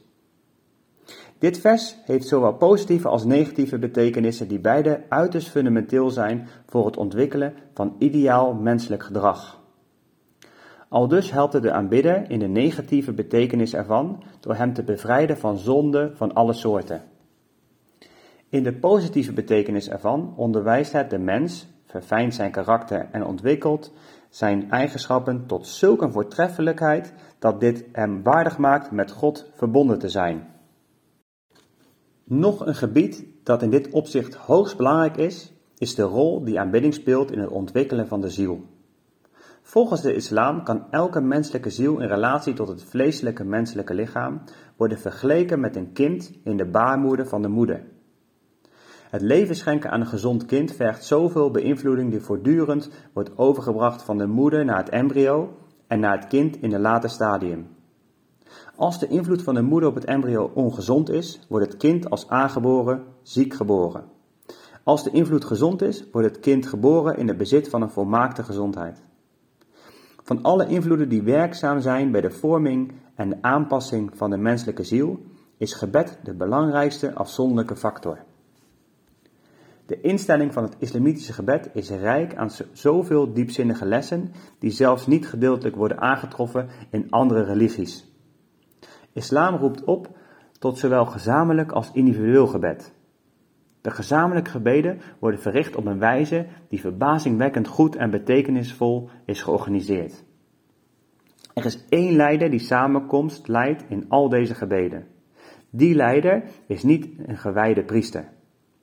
Iedereen die door de mensen waardig wordt geacht voor deze taak, wordt gekozen als imam. De bijeengekomen mensen worden aangespoord zich achter de imam op te stellen in volkomen rechte rijen, terwijl iedere aanbidder dicht bij de andere staat, schouder aan schouder, met geen ruimte tussen twee aanbidders. Zij volgen de imam volledig in alles wat hij doet. Als hij buigt, buigen zij. Als hij staat, staan zij. Als hij zich ter aarde werpt, werpen zij zich ter aarde. Zelfs als de imam een fout begaat en deze niet goed maakt, zelfs niet naar herinnering, moeten alle aanbidders deze herhalen. Het ondervragen van de imam tijdens gebed is niet toegestaan. Alle zien zonder uitzondering in dezelfde richting en wenden het aangezicht naar het eerste huis van aanbidding dat ooit ten voordele van de mensheid is gebouwd. Het is niemand toegestaan een speciale plaats achter de imam te reserveren. In dit opzicht worden de rijken en de armen met een absolute gelijkheid behandeld, en zo ook de ouderen en de jongeren. Degene die voor anderen bij de moskee aankomt, heeft de eerste keus te zitten waar hem dit belieft. Niemand heeft het recht anderen te verwijderen van de plaats die zij innemen, behalve om redenen van veiligheid enzovoort, in welk geval dit een administratieve maatregel wordt. Het islamitische systeem van het gebed is dus niet alleen rijk aan geestelijk onderricht, maar ook aan gemeenschap en organisatorisch onderricht. Alle moskeeën worden vijfmaal per dag bezocht, een taak die voor de toevallige waarnemer te veel eisend lijkt. Dit aspect moet verder worden uitgewerkt om een volledige beeld te vormen van de rol van de gezamenlijke gebeden in de wijze van leven van de moslims. Natuurlijk zal in een ideale moslimsamenleving, waar moskeeën ter beschikking zijn gesteld binnen het bereik van bijna iedere burger, het gezamenlijk gebed op vijf tijden een routinematige manier van leven worden van alle moslims. Het middaggebed, dat gewoonlijk problematischer is, wordt in moslimsamenlevingen verricht gedurende de middagpauze van het werk. Dit is dus niet slechts een lunchpauze, maar deze wordt enigszins verlengd om ook plaats te bieden aan het verrichten van het gebed. Het volgende gebed dat volgt op het middaggebed is het namiddaggebed, dat bijna onmiddellijk na de terugkeer van het gewone dagelijks werk wordt verricht. Vervolgens is geen gebed toegestaan tot na zonsondergang. De tijd tussen deze twee gebeden wordt doorgebracht met activiteiten buitenshuis, zoals sport, winkelen, wandelen, bezoeken aan vrienden en verwanten enzovoort. Dit is een periode van ontspanning waarin gebeden praktisch verboden zijn, behalve voor het stille gedenken van God, dat een constant kenmerk wordt voor sommige gelovigen. Bij zonsondergang begint de nacht van de gelovigen met het gebed bij zonsondergang, waarna weer tijd is voor ontspanning, het dineren enzovoort. Voor het naar bed gaan wordt de nacht voltooid met het laatste gebed, dat Isha wordt genoemd. Het wordt ontmoedigd om na Isha wakker te blijven voor nutteloze bezigheden, zoals geroddel en ijdelgepraat enzovoort. De moslims worden aangemoedigd de gewoonte aan te leren om vroeg naar bed te gaan en vroeg op te staan. De volgende morgen begint de dag routinematig in de vroege uren voor de dageraad. Het gebed dat wordt verricht aan het einde van de nacht wordt tahajjud genoemd. Het is niet verplicht, maar het is een vrijwillig gebed waaraan veel waarde wordt gehecht. De dageraad kondigt de tijd voor het morgengebed aan. Dit gebed wordt al-fajr genoemd. Gebeden naar keuze tussen fajr en zonsopkomst worden niet aanbevolen om duidelijke redenen. Dan worden tot aan Zohar, het middaggebed, slechts twee facultieve gebeden genoemd. Overigens wordt verondersteld dat de periode voorafgaand aan Zohar wordt doorgebracht met de normale dagelijkse activiteiten. Als we vanuit een ander gezichtspunt zien naar de instelling van het gebed in de islam, is het intrigerend op te merken hoe goed georganiseerd, gedisciplineerd en hoe veelomvattend het is. Er zijn zekere gezamenlijke gebeden waarin een recitatie van de Koran plaatsvindt met een luide, hoorbare stem, in een semi-zingende toon, die niet precies voldoet aan het begrip zingen, maar die een ritmische toon heeft die erg doordringend is. De heilige profeet, mogen de vrede en zegeningen van Allah met hem zijn, heeft ook geadviseerd dat er een zweem van droefheid moet liggen in de toon waarin de Koran wordt gereciteerd. Dit maakt het aangrijpender en doet de betekenis van de verse dieper doordringen in de uithoeken van het hart. In sommige gebeden, in de bijzonder de twee gebeden in de namiddag, is er geen luide recitatie. Dit gaat goed samen met de algemene stemming van de tijd. Zelfs de vogels houden op met zingen gedurende de vroege delen van de namiddag en er is een algemene stemming van stilte die het rumoer van het normale werk bedekt. Het ochtendgebed, het gebed na zonsondergang en het gebed aan het begin van de nacht bestrijken alle perioden waarin het hardop reciteren van de versen de gangbare praktijk is. Het, het gebed kan verder worden verdeeld in twee categorieën. Tegenover de gezamenlijke gebeden worden de individuele gebeden ook sterk benadrukt. In de gezamenlijke gebeden wordt door de gemeenschap gezamenlijk en openlijk eer betoond aan God. In individuele gebeden wordt nadruk gelegd op beslotenheid en er dient geen inspanning te zijn zulke gebeden aan iemand tentoon te spreiden. Evenzo wordt het late nachtelijke gebed verricht in volmaakte afzondering. Huisgenoten trachten hun eigen plaatsen te vinden en zelfs echtgenoten trachten hun gebeden afzonderlijk, afzonderlijk te verrichten, zodat verbinding met God een hoogst persoonlijke zaak wordt. Men heeft geconstateerd dat de instelling van het gezamenlijk gebed vijfmaal per dag voor meer dan 400 jaar of zo heel goed heeft gewerkt voor de bestemming en instandhouding van deze heilige instelling. De moskeeën zijn de steunpilaar geweest om deze nobele instelling levend te houden. Ze dienen ook als onderwijscentra voor jong en oud en door de geschiedenis heen hebben ze de belangrijkste rol vervuld in godsdienstige training en godsdienstig onderricht. De plaatsen van aanbidding in de islam, zowel de gezamenlijk als de particuliere, worden zorgvuldig schoongehouden. Van iedereen wordt verwacht dat hij zijn schoenen uittrekt alvorens deze plaatsen binnen te gaan. Hoewel in ieder gebed te aanbidden met zijn voorhoofd de grond moet aanraken, soms kort, soms voor langere perioden, is het verbazingwekkend dat geen huidziekten zijn overgedragen van voorhoofd naar voorhoofd in de moslimsamenleving. Sommigen kunnen dit misschien toeschrijven aan de hoge standaard van reinheid en sommigen aan de zegeningen van God. Maar dit is een vastgesteld feit. Wat betreft de inhoud van het gebed, deze bestaat uit twee soorten. 1. Een formele routinematige recitatie van verzen uit de Koran en andere gebeden die hoofdzakelijk worden gedaan in de taal van de Koran, welke het Arabisch is. Van alle aanbidders wordt verwacht dat zij de betekenis van wat zij reciteren kennen. Anders zullen zij zich het onmetelijke voordeel dat zij kunnen behalen uit de betekenisvolle recitatie ontzeggen. Het zal deze bespreking te lang maken als we ingaan op de details van de inhoud, maar al die lezers die belangstelling hebben in verdere studie kunnen altijd de relevante literatuur raadplegen. 2. Tot de tweede categorie behoren de individuele gebeden in de eigen taal, waarin men vrij is smekingen te doen zoals men verkiest. Deze tweede categorie is controversieel in de zin dat menige school van jurisprudentie dergelijke praktijken afkeurt en aandringt op recitatie op alleen de voorgeschreven wijze, los van het feit of de aanbidder dit begrijpt of niet. Zij zien echter wel de noodzaak in voor privégebeden en voor persoonlijke gebeden. Zij suggereren derhalve om in de eigen taal te bidden nadat het formele gebed is beëindigd en niet gedurende het verloop ervan.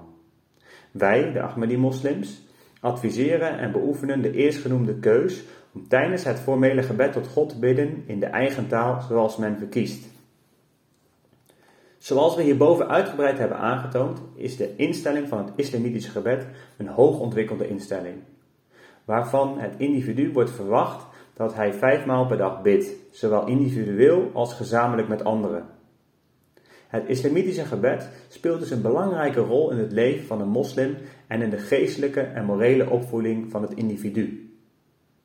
Het besteden voor de zaak van Allah. Als we nu ons wenden tot de aalmoezen en andere filantropische besteding, zien we dat alle religies dit op de een of andere wijze lijken te bevorderen. In sommige, sommige religies wordt het besteden voor de zaak van Allah geïnstitutionaliseerd door het heffen van een wel omschreven tiende. In, in, in andere wordt de methode hoe en hoeveel overgelaten aan de vrije wil van het individu.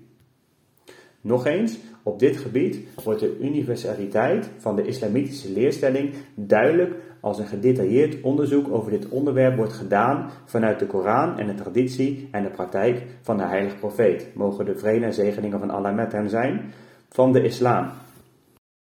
Dit onderwerp is zo veelomvattend dat het alle mogelijke gebieden van de menselijke belangstelling bestrijkt. We treffen in de islam zowel een geïnstitutionaliseerde wijze van besteden als niet geïnstitutionaliseerde vormen van besteden aan en de respectieve gebieden ervan zijn vast ontlijnd. Maar de islam laat het daarbij niet en spreekt van alle mogelijke vereisten en de relevante belangrijkheid ervan. De islam gaat verder en onderwijst de mens om te besteden voor de zaak van Allah met een achtname van alle gedragsregels die in de Koran zijn genoemd. De Heilige Koran is er erg duidelijk over welke wijze van besteden door hem zal worden begunstigd en welke zal worden verworpen. Het onderwerp is zo veelomvattend, zoals eerder genoemd, dat het buiten de strekking van deze korte verhandeling valt om ieder aspect ervan te bestrijken.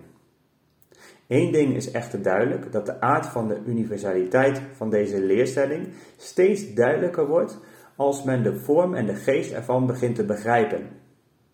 De islam omschrijft ook duidelijk de gebieden voor het uitgeven van de voorgeschreven tienden en laat hierover geen enkele dubbelzinnigheid bestaan. Hajj. Nog een voorbeeld dat de universaliteit van de islamitische geboden betreffende de praktijk van de religie demonstreert, is dat van de Hajj, oftewel de bedevaart. Nogmaals, men treft de instelling van de bedevaart aan in alle religies van de wereld, maar de bedevaartsorde ligt verspreid over veel verschillende plaatsen in één of meer landen. Men treft niet één enkele centrale plaats aan die de volgelingen van een religie tenminste eenmaal in hun leven moeten bezoeken. Verbazingwekkend genoeg treffen we in de islam precies een dergelijke plaats aan, in Mekka, waar moslims van over de gehele wereld worden verwacht zich te verzamelen om ongeveer tien dagen door te brengen in volledige toewijding aan de gedachtenis van God. De pelgrims komen uit alle landen, alle naties en zijn van alle rassen en van alle leeftijden. Mannen, vrouwen en kinderen verzamelen zich allen eenmaal per jaar voor een prachtige bijeenkomst waarbij het aantal deelnemers soms in de miljoenen loopt. Dit grote vertoon van universaliteit ziet men nergens anders in een andere godsdienst. Vandaar dat al deze vingers, die werden geheven in verschillende gebieden van de islamitische leer, wijzen op dezelfde boodschap van eenwording op aarde onder de eenheid van God. De instelling van de bedevaart kan men terugvoeren tot aan de tijd van Abraham, vrede zijn met hem. Maar er zijn zeer duidelijke verklaringen in de Koran die deze beschrijven als een oude instelling die sinds onheugelijke tijden bestaat en er is aangevangen toen het eerste huis van God werd gebouwd in Mekka. In tijden van weleer werd Mekka uitgesproken als Bakka, de Heilige Koran verwijst dus naar het eerste huis dat niet in Mekka, maar in Bakka is gebouwd. Het wordt ook wel Beitul Atik of het oudste huis genoemd. Abraham, vrede zij met hem, richtte het op op de ruïnes die hij onder goddelijke leiding ontdekte en met betrekking waartoe hem door God was opgedragen het met de hulp van zijn zoon Ismaël te herbouwen. Dit is dezelfde plaats waar hij, weer onder goddelijk bevel, zijn vrouw Hagar en zijn zoon Ismaël, vrede zijn met hem, die een zuigeling was, had achtergelaten.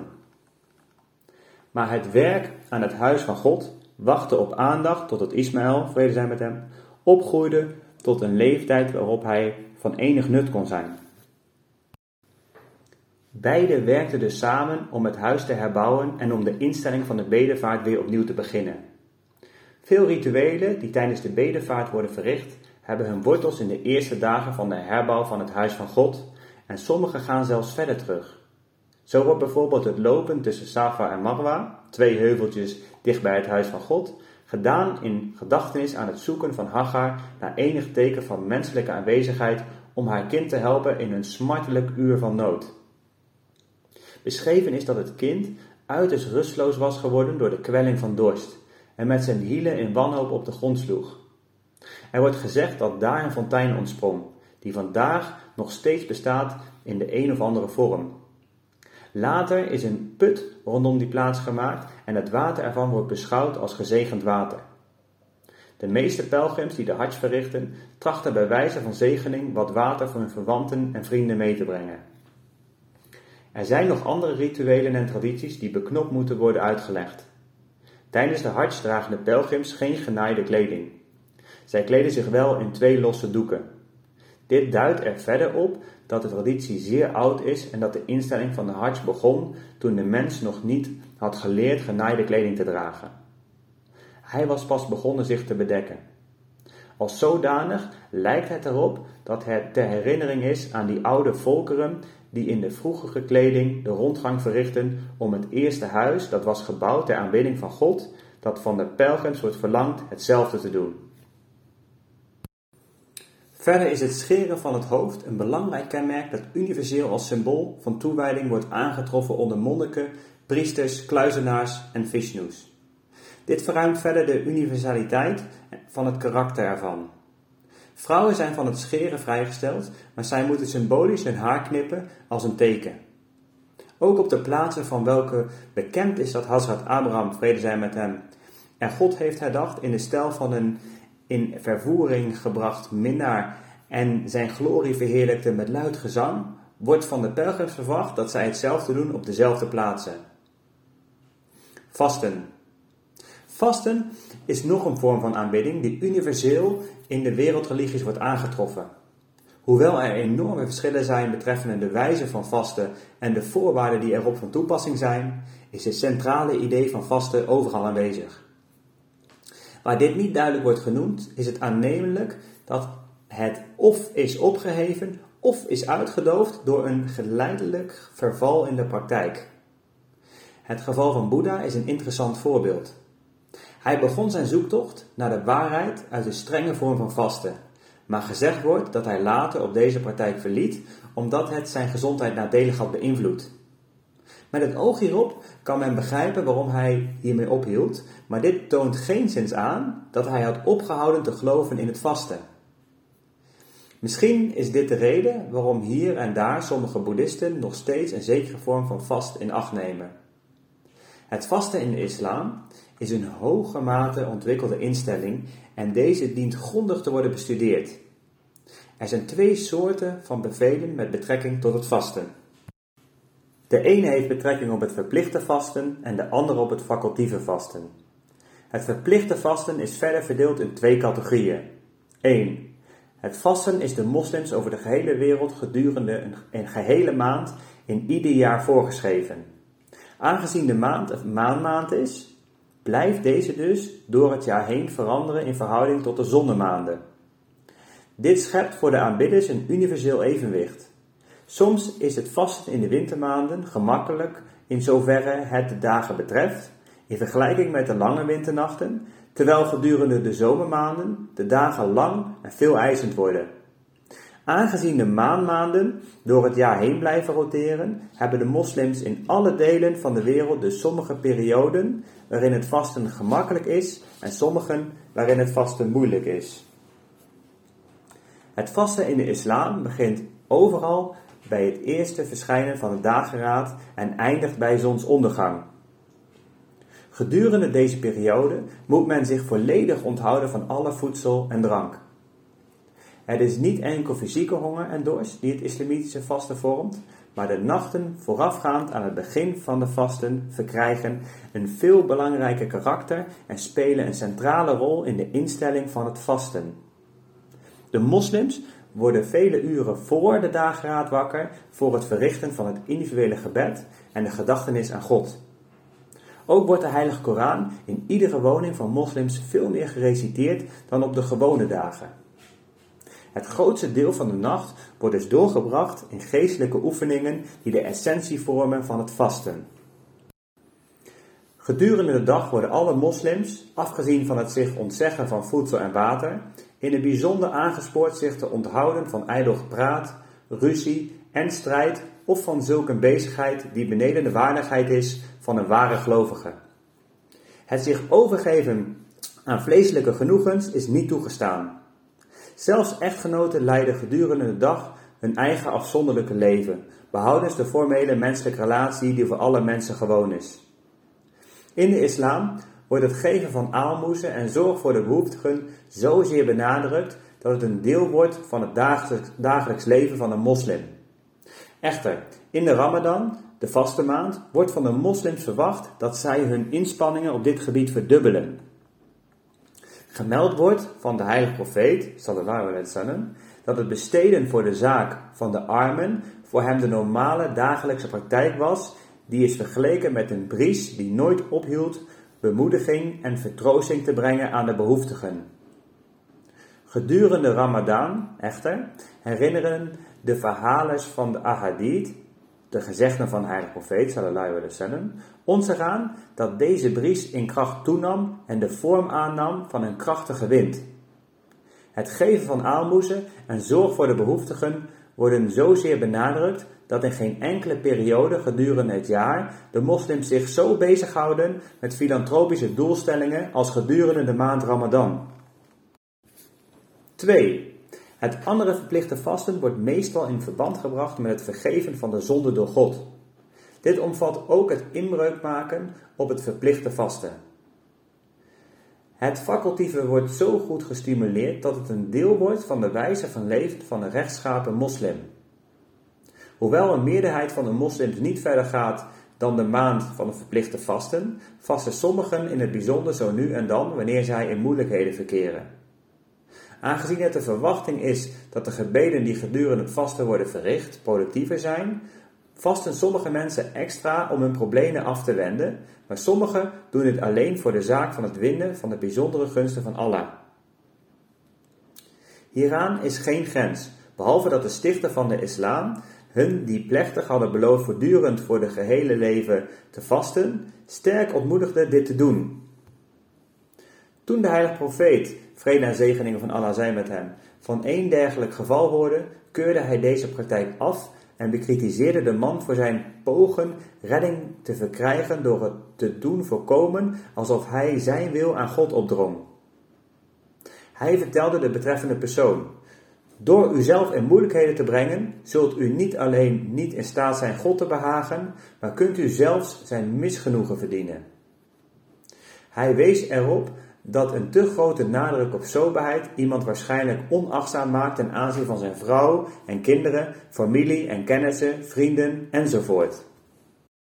De heilige profeet, sallallahu alaihi wasallam, herinnerde hem specifiek aan zijn verantwoordelijkheden op het gebied van de menselijke relaties. Het advies was: doe op een billijke wijze uw plicht, zowel jegens God als jegens de schepping van God. Na hun aanhoudende Norse gesmeek stond hij aan sommigen het facultieve vasten alleen toe in de stijl van David, vrede zij met hem. De heilige profeet, vrede en zegeningen zijn met hem, vertelde hun dat het de gewoonte van David, vrede zij met hem, was om één dag te vasten en de volgende dag niet. Nadat hij deze gelofte had gedaan, hield hij gedurende zijn gehele leven de vasten om de andere dag. De heilige profeet, vrede en zegeningen zijn met hem, zei dus, ik kan u alleen zoveel toestaan en niet meer. De instelling van het vasten is buitengewoon belangrijk, omdat zij de gelovige ontwikkelt op bijna ieder gebied van zijn geestelijk leven. Onder andere leert hij door persoonlijke ervaring wat honger, armoede, eenzaamheid en ongemak betekent voor de minder bevoorrechte delen van de samenleving. Het zich gedurende de maand Ramadan onthouden van zelfs die gewoonten die in het dagelijks leven zijn toegestaan, spelen een constructieve rol in het verfijnen van het menselijk karakter. De Heilige Oorlog. Dit is een erg belangrijke kwestie die betrekking heeft op de verspreiding van alle goddelijke boodschappen. Zij heeft betrekking op het middel van verspreiding. Het is bekend dat aanhangers van bijna alle religies, als zij zich in de tijd verwijderen van de bron, dwang hebben gebruikt door of mensen binnen de gelederen van hun godsdienst te houden, of door anderen tot hun geloof te bekeren. Maar volgens de Heilige Koran is dit geenszins een afspiegeling van de houding van hun religie met betrekking tot dwang. Geen enkele godsdienst heeft bij zijn bron ooit het gebruik van geweld, in welke vorm dan ook, toegestaan. In feite zijn alle godsdiensten het doelwit gemaakt van dwang en de tegenstanders ervan hebben zich grote inspanningen getroost om de groei van religies bij hun bron een halt toe te roepen en ze volledig te vernietigen. Iedere keer als er een nieuwe profeet kwam, werden onveranderlijk door zijn vijanden pogingen in het werk gesteld om zijn boodschap door het gebruik van geweld en meedogenloze vervolging te onderdrukken. Het is daarom een bijzonder tragisch ironie dat van alle boeken de Heilige Koran vandaag wordt aangemerkt als voorstander van het gebruik van dwang voor de zaak van de verspreiding van zijn boodschap. Een zelfs nog grotere tragedie is gelegen in het feit dat het de moslimgeestelijke zelf is die deze mening luidkeels verkondigt en deze openlijk toeschrijft aan de Heilige Koran. Men moet zich herinneren dat de Heilige Koran het enige goddelijke boek is dat van alle profeten van de wereld, waar en in welke eeuw ook zij waren geboren, vrijspreekt van het vergrijp van het toepassen van dwang met betrekking tot het verspreiden van hun boodschap. Vandaar dat het ondenkbaar is dat de Koran, de heilige profeet, vrede en zegeningen zijn met hem, zou voorstellen als de voorbode van een tijdperk van bloedvergieten in de naam van vrede en haat in de naam van liefde tot God. Dit is niet de plaats om ons bezig te houden met ingewikkelde, polemische besprekingen, dus deze korte introductie zou hier moeten volstaan. Volgens de Koran is de heilige oorlog, die jihad wordt genoemd, in werkelijkheid een heilige campagne die de hulp van de Koran gebruikt om in de wereld een geestelijke revolutie te brengen.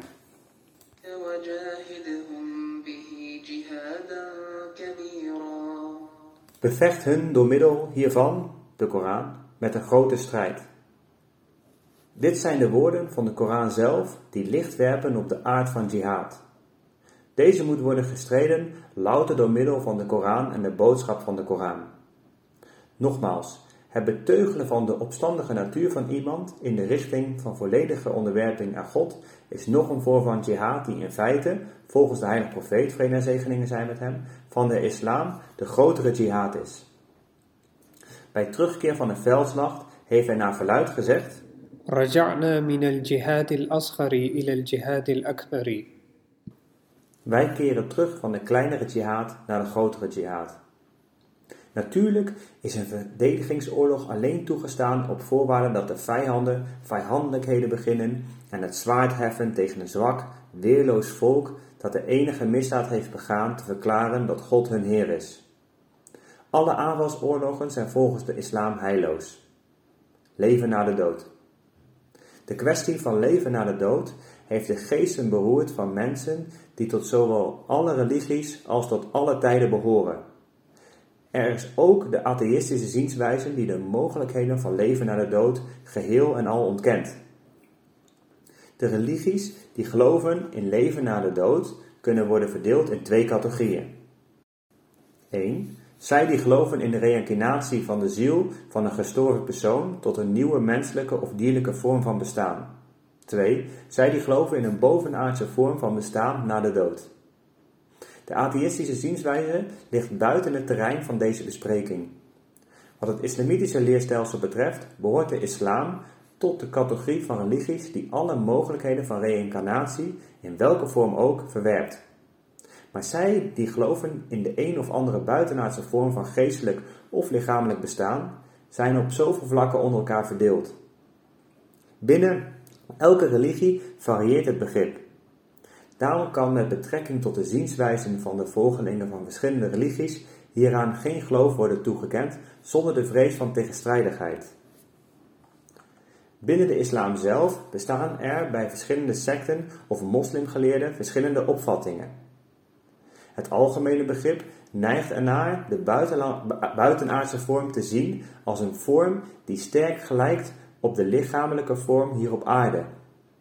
Het begrip van hemel enkel laat daarom eerder een materieel beeld zien dan dat dit een geestelijk beeld van de dingen is. De hemel wordt naar hun begrip voorgesteld als een onmetelijke grote tuin die letterlijk een overvloed heeft aan mooie bomen die eeuwige schaduwen geeft waaronder rivieren zullen stromen. De rivieren zullen van melk en honing zijn. De tuin zal vruchten dragen en alles wat de mens aan vruchten wenst, zal hem ter beschikking staan. Het vlees zal van vogels van allerlei soort zijn. Men heeft slechts te wensen welk vlees men in het bijzonder begeert. Vrouwelijke metgezellen van buitengewone schoonheid en verfijning zullen worden verschaft aan de vrome mannen, waarbij er geen beperking zal worden gesteld aan het aantal dat zal worden vastgesteld overeenkomstig hun vermogen. Zoveel zij haar aankunnen, zullen zij bezitten. Wat zouden zij doen? Hoe zouden zij zich tot elkaar verhouden? Zullen ze kinderen voortbrengen of een doorleven van genot leiden? Dit zijn alle open vragen. Het genot, zoals men het zich voorstelt, is intens zinnelijk. Er is geen werk dat moet worden verricht, geen arbeid die moet worden verspild, geen inspanning die moet worden gedaan. Een volmaakt leven, als een dergelijk leven volmaakt kan worden genoemd, van volkomen en totale indolentie, met de keuze veel te eten en te drinken, omdat dichtbij de rivieren van melk en honing ook wijn zal vloeien. Geen vrees voor dyspepsie of dronkenschap. Achteroverleunend op hemelse kussens van zijde en brokaat, zullen zij hun tijd verdrijven in eeuwige gelukzaligheid. Maar wat een eeuwige gelukzaligheid! In de islam zijn er anderen die dit naïeve begrip van de, van de verwijzingen in de Koran naar de hemel met stelligheid verwerpen en met menige verwijzing naar de versen uit de Koran aantonen dat wat deze beschrijft enkel metaforische beeldspraak is waar geen lichamelijkheid aan de orde is. In feite maakt de Heilige Koran het overduidelijk dat de vorm van bestaan in het toekomstige leven zo verschillend van alle hier op aarde bekende levensvormen zal zijn, dat het buiten de menselijke verbeeldingskracht is om, zelf maar, om zelfs maar een vluchtige indruk te hebben van de buitenaardse werkelijkheid.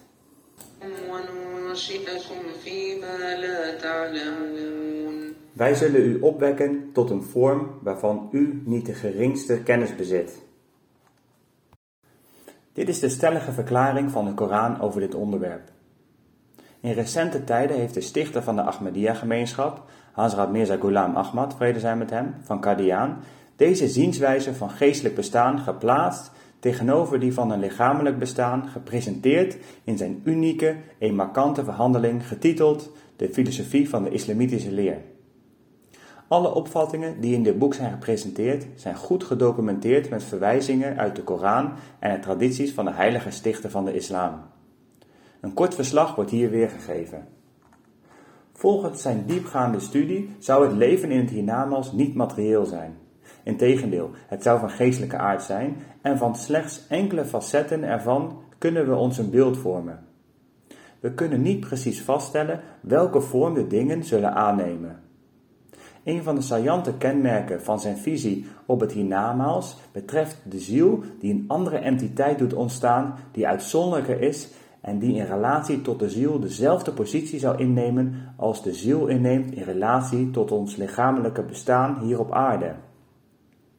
Deze geboorte van een ziel vanuit de ziel zal in relatie staan tot het soort leven dat wij hier op aarde hebben geleid. Als onze levens hier worden doorgebracht in onderwerping aan de wil van God en in overeenstemming met zijn geboden, zullen onze smaken geleidelijk worden gecultiveerd en worden afgestemd op het genieten van geestelijke genoegens tegenover lichamelijke genoegens. Binnen de ziel begint een soort embryonale ziel te, vorm te krijgen. Nieuwe vermogens worden geboren en nieuwe smaken worden verkregen, in welke zij, die gewend zijn aan lichamelijke genoegens, geen genot vinden.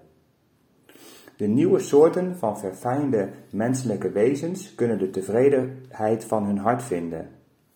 Opoffering, in plaats van het zich toe-eigenen van de rechten van anderen, wordt aangenaam.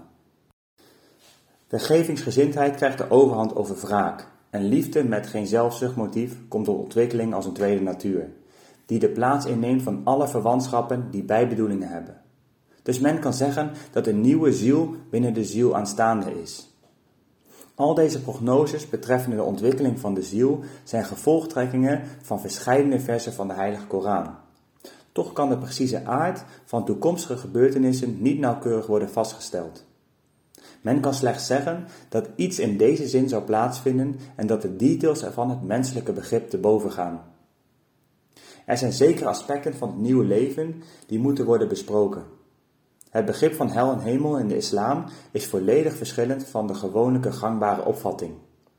Hel en hemel zijn niet twee verschillende plaatsen die afzonderlijke tijd en ruimte in beslag nemen. Volgens de Heilige Koran bestrijkt de hemel het gehele universum. Waar zou de hel dan zijn? vroegen sommigen van de metgezellen van de heilige profeet, mogen de vrede en zegeningen met hem zijn. Op dezelfde plaats was het antwoord. Maar u bezit niet het vermogen om het naast elkaar bestaan ervan te begrijpen. Dat wil in gewone menselijke termen zeggen dat ze in dezelfde tijdruimte lijken in te nemen, maar omdat ze tot verschillende dimensies behoren, ze dus in werkelijkheid naast elkaar zullen bestaan, zonder elkaar in de weg te staan en zonder samenhang met elkaar. Maar wat is de betekenis van hemelse gelukzaligheid en de kwellingen van het vuur van de hel? In antwoord op deze vraag heeft de beloofde Messias, vrede zijn met hem, de kwestie in de volgende bewoordingen geïllustreerd. Als iemand bijna omkomt van de dorst, maar overigens gezond is, kan koelwater hem zulk een grote voldoening geven, welke niet kan worden verkregen door de gewone ervaring van het drinken van water, of van zelfs de smakelijkste drank van zijn keuze. Als iemand dorst heeft en ook honger heeft, en hij een onmiddellijke bron van energie nodig heeft, kan een koele tros druiven hem zulk een grote voldoening geven die niet wordt ervaren door hetzelfde onder, onder gewone omstandigheden. Maar een eerste vereiste voor deze genoegens is een goede gezondheid.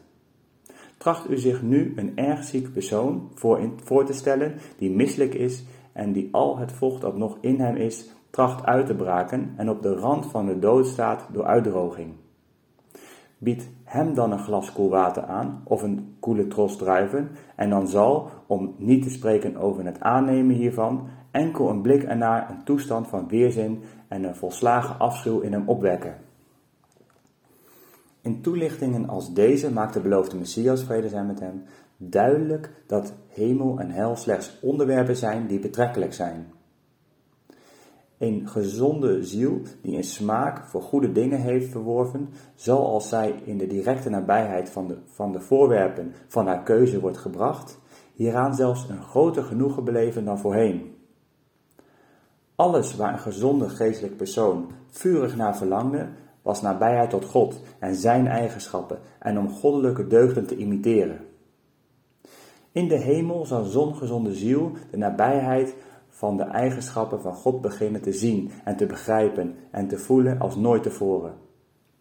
Dit zouden volgens de beloofde Messias, vrede zijn met hem, niet slechts geestelijke waarden blijven, maar ze zouden etherische vormen en gedaanten verwerven die de nieuwgeboren hemelse geest zou bezitten, met behulp van een vroegere ziel die als het lichaam zou fungeren. Ook dit zou een zaak van betrekkelijkheid zijn. Het omgekeerde zou voor de hel gelden in de zin dat een ongezonde ziel een ongezond lichaam zou creëren voor de nieuwe ziel in het hiernamaals. en dezelfde factoren die aan een gezonde ziel genoegen verschaffen, zouden kwelling en intens lijden verschaffen aan deze ongezonde entiteit. Als we naar de geest of de ziel verwijzen bij vergelijking met ons vleeselijk lichaam, is er, is er een reusachtig verschil in de aard van hun bestaan, dat bijna niet te bevatten is. Ieder deel van het lichaam is levend en gonst van leven, niet alleen in materieel opzicht, maar ook uit het oogpunt van bewustzijn. Ieder deel van het menselijk lichaam is begiftigd met een soort van bewustzijn. Wetenschappers trachten dit bewustzijn uit te drukken met de term elektronische pulsen, maar dit is een erg ruwe manier van het bedrijven van het algehele bewustzijn van de, van de bewuste en de onderbewuste geest en het immuunsysteem en andere onafhankelijke functies van het menselijk lichaam die nog ver buiten ons bevattingsvermogen liggen. Wat is dat dan bewustzijn? Hoe kan dat ultieme ik in ieder levend ding worden gedefinieerd en verklaard? Kunnen we ernaar verwijzen als ego in psychologische termen? Maar nooit is een psycholoog erin geslaagd het ego te definiëren. Het is iets wat in religieuze termen wordt beschreven als de ziel. Er is geen manier waarop we afstand tussen de ziel en het vleeselijk lichaam kunnen meten. In termen van zeldzaamheid is de ziel, zelfs in ons meeste ruwe waarneming, zo uitzonderlijk en zo uiterst verfijnd dat zij in geen enkel opzicht kan worden vergeleken met het menselijk lichaam waarin zij woont. Tracht u zich nu het scenario voor te stellen van de geboorte van een ziel binnen de ziel over een periode van biljoenen jaren. Aan het eind van een lange dag vinden we een ziel binnen een ziel die dezelfde vergelijking in termen van zeldzaamheid zou tonen als een menselijke ziel hier op aarde heeft met het menselijke lichaam. Iets dat vergelijkbaar is, zal plaatsvinden en in termen van betrekkelijkheid zal het toekomstige bestaan van leven ook twee toestanden kennen die zijn verenigd in één entiteit. In relatieve termen zou één toestand zijn als het lichaam en de andere als de ziel. In vergelijking met ons lichaam zou onze ziel voor de nieuw ontwikkelde essentie van bestaan lijken op een lichaam. Lezers wordt voor verdere details geadviseerd om de volledige verhandeling te lezen. Deze behandelt niet alleen dit onderwerp, maar bespreekt ook enkele andere bijzondere interessante thema's die de geesten van mensen over de gehele wereld opwinden. Kortom, ieder individu schept zijn eigen hel of zijn eigen hemel en in overeenstemming met zijn eigen toestand verschilt iedere hemel van de hemel van iemand anders en verschilt iedere hel van de hel van iemand anders, hoewel ze ogenschijnlijk dezelfde ruimte en tijd beslaan in bovenaardse dimensies. Wat gebeurt er met de ziel van de mens tussen de tijd van zijn lichamelijke dood en zijn opstanding op de dag des oordeels? Naar verluid heeft de heilige profeet, sallallahu alaihi wasallam, gezegd dat na onze dood zich in het graf ramen zullen openen. Voor de vrome mensen zullen de ramen zich openen vanuit de hemel. En voor de verdorven mensen zullen ze zich openen naar de hel toe. Als we echter een graf zouden openen, zouden we geen ramen aantreffen. Letterlijke aanvaarding van deze woorden zou dus niet de ware betekenis van het onderwerp overbrengen. Het is onmogelijk dat de heilige profeet sallallahu alaihi wasallam ons ooit verkeerd zou informeren. Hij moet hier daarom wel in overdrachtelijke zin hebben gesproken. Zou dit niet zo zijn geweest, dan zouden we telkens wanneer we een graf zouden opgraven ramen aantreffen die zich of in de hel zouden openen of de welriekende en aangename geur van het paradijs zouden binnenlaten. Maar we zien geen van beide. Wat betekenen dus de woorden van de heilige profeet, vrede en zegeningen zijn met hem? Het graf is feitelijk een tussenfase van bestaan tussen dit leven en het komende leven. Hier zal het geestelijke leven geleidelijk voortgang maken via verschillende stadia totdat dit zijn uiteindelijke bestemming bereikt. Dan zal op bevel van God een trompet worden geblazen en zal de laatste geestelijke vorm tot stand komen. In deze tussentijdse periode zullen verschillende zielen een vleugje van hemel of hel beleven, alvorens hun laatste stadium van volmaaktheid te bereiken, geschikt en gereed om te worden verheven tot een volledig getransformeerde entiteit. De Koran illustreert dit begrip op een mooie wijze.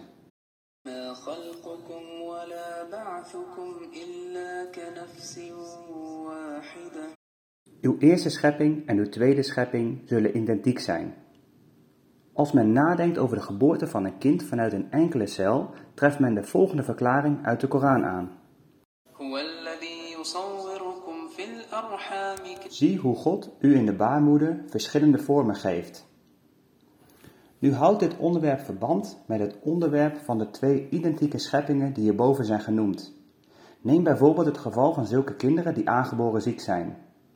Zij lopen niet plotseling een ziekte op ten tijde van de bevalling, Eerder komen zij geleidelijk terecht in een toestand Ziekte die zich geleidelijk verder ontwikkelt en die aanvangt vanaf de tijd van een vroege embryonale stadium. Zo zal eveneens de ziel van iemand die geestelijk ziek is in dat embryonale stadium voor zijn laatste opstanding op de dag des oordeels lijden door een vleugje van de hel en zal gedurende die periode van het graf onbehagen ervaren zoals een ongezond kind dit ervaart in de baarmoeder van zijn moeder. De gewoonten van een gezond kind zijn volkomen anders. Zelfs het trappen van een kind wordt door de moeder gewaardeerd. De vraag die nu rijst is: zal de ziel ook vooruitgang maken zoals het kind in de schoot van de moeder en zal het al deze stadia doorlopen? Het antwoord hierop kan worden gevonden in hetzelfde vers van de Koran.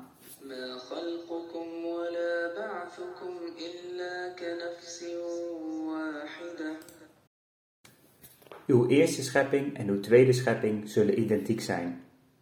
Om de tweede schepping te begrijpen, moeten we begrijpen op welke wijze een baby vorm krijgt in de schoot van de moeder. Het ontwikkelen van deze vorm neemt ogenschijnlijk slechts negen maanden in beslag, terwijl in werkelijkheid de schepping van leven is gespreid over miljarden jaren. Als we teruggaan naar het begin van het dierkundig leven, doorloopt de baby nagenoeg alle stadia van de evolutie van het leven. Vanaf het begin van de zwangerschap tot aan de climax ervan negen maanden later weerspiegelt de ontwikkeling van het kind alle stadia van de schepping. Met andere woorden, alle stadia van de evolutie worden in deze negen maanden herhaald. Het ene na het andere, en wel met zulk een grote snelheid dat dit buiten ons voorstellingsvermogen ligt. Het houdt de stadia van het systeem van de evolutie levend en geeft hiervan een beeld. De schepping van leven heeft een lange periode van ontwikkeling doorgemaakt om de vorm te bereiken die we in negen maanden waarnemen. Dit werpt licht op het feit dat de periode van onze eerste schepping erg lang was en onze tweede schepping zal zich ook uitstrekken over een lange periode. Door het bestuderen van deze negen maanden kunnen we iets leren over de miljarden jaren van de geschiedenis van het leven en ook over de evolutie van zielen in de volgende wereld. Het is misschien veilig om de conclusie te trekken dat de tijd vanaf het vroege begin van leven tot aan de uiteindelijke schepping van de mens wellicht nogmaals benodigd is voor de ontwikkeling van de ziel naar de dood.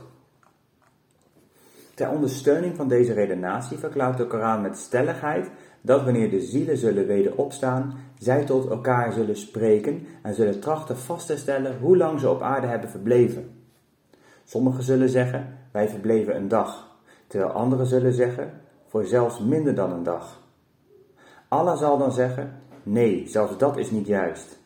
Met andere woorden, Allah zal zeggen, u verbleef veel korter op aarde dan wat u inschat. In werkelijkheid is de verhouding van iemands levensduur tot een klein deel van de dag min of meer dezelfde verhouding die de tijd van de wederopstanding van de ziel zal hebben tot haar voorafgaande gehele leven. Hoe verder weg iets is, hoe kleiner het lijkt. Onze kinderjaren lijken op een ervaring van enkel een paar seconden. Hoe groter de afstand van de sterren, hoe kleiner ze lijken. Wat Allah ons tracht mede te delen, is dat we niet op de dag nadat we sterven zullen worden geoordeeld. In plaats daarvan zal het oordeel in zo'n verre toekomst plaatsvinden dat onze vorige levens ons zullen toeschijnen als een zaak van enkele seconden, als een klein, ver afgelegen punt. Kortom, de wederopstanding van de mens wordt beschreven als een gedaanteverandering die hij zich niet kan voorstellen en een gebeurtenis die even zeker is als zijn bestaan hier op aarde. Al deze onderwerpen zijn in detail uitgelegd in de Heilige Koran. Voorbeschikking en vrije wil. De kwestie van losbestemming is bijzonder gecompliceerd. Deze is door de eeuwen heen besproken door zowel filosofen als godsdienstgeleerden. In bijna iedere godsdienst is er wel een of andere verwijzing naar de aard van lotsbestemming. We kunnen degenen die in lotsbestemming geloven in twee hoofdcategorieën indelen. Degene met het algemeen heersende blinde geloof in lotsbestemming geven het weer als voorbeschikking door God van alles, groot en klein. Deze opvatting is gangbaar bij sommige cryptische Soefi-secten, oftewel mystici, die een leven leiden in afzondering van gewone mensen. Zij maken er aanspraak op dat de mens geen controle heeft over iets. Alles is voorbeschikt. Als zodanig is al hetgeen geschiet het zich ontvouwen van het grote plan der beschikking, dat alleen aan God bekend is. Dit is een erg problematisch begrip van het plan der dingen en leidt onvermijdelijk tot de vraag van misdaad en bestraffing, boete en beloning. Als iemand geen keuze heeft, dan behoort er nog bestraffing, nog beloning te zijn voor zijn daden. De andere opvatting is die van de vrije keuze, waarbij losbestelling praktisch geen rol speelt in wat iemand ook beslist en uitvoert. Tijdens de bespreking van losbestemming vindt nog een belangrijke filosofische kwestie haar weg naar het debat, hetgeen nog verdere complicaties toevoegt, en dat is de kwestie van voorkennis. Wat heeft de voorkennis van God te maken met de dingen die komen gaan? Dat is de vraag waarvan de beantwoording door de beide partijen in het debat nogal gebrekkig ter hand is gekomen. We stellen niet voor in een uitvoerige bespreking te treden van de vergelijkende verdiensten van de argumenten van hun die wel en hun die niet in losbestemming geloven, maar zullen slechts pogen het islamitische standpunt weer te geven. Losbestemming heeft vele categorieën, die ieder een onderscheiden rol spelen in hun respectieve werk, werkingssferen en die gelijktijdig werkzaam zijn. De natuurwetten voeren de opperheerschappij en niets en niemand is boven de invloed ervan verheven. Dit is het algemene plan der dingen, naar welk kan worden verwezen als het ruimste begrip van lotsbestemming. Al wie de natuurwetten volgt met een grondig begrip ervan, zal enig voordeel behalen ten opzichte van anderen die dit niet doen. Het is zulke mensen altijd gegeven voordeel te genieten en voor hunzelf vorm te geven aan een beter leven. Maar geen van hen is voorbestemd om te behoren tot een bepaalde groep in verhouding tot hun plaats aan de goede of aan de verkeerde zijde van de natuurwetten. Er was een tijd in het tijdperk dat direct voorafging aan de renaissance in Europa, dat de moslimwereld van de Oriënt veel verder was gevorderd in het begrijpen van de natuurwetten. De moslims konden bij gevolg voordelen behalen die met deze kennis samenhingen. Toen, later, deze onbevooroordeeld en bekrompen studie van de natuur naar het westen verschoof, luidde dit een nieuwe dag van licht voor het westen in, terwijl het oosten zich begon te storten in een lange, donkere nacht van wensdenken, bijgeloof en dromen. Dit is natuurlijk losbestemming, maar van een verschillend soort. De enige wet die voorbeschikt is in verhouding tot deze losbestemming is het onverantwoordelijke gebod dat al wie de natuur bestudeert zonder vooroordelen en zichzelf toestaat daarheen te worden geleid waar de natuurwetten hem zouden brengen, het pad van eeuwige vooruitgang zal betreden. Dit is de algemene en aldoordringende categorie van lotsbestemming die alles overstijgt behalve de wetten van lotsbeschikking die betrekking hebben op religie. Alvorens de bespreking van lotsbeschikking qua toepassing op religie op te pakken, moeten we verder onderzoek doen naar enkele gebieden van deze universele lotsbestemming van de natuurwetten.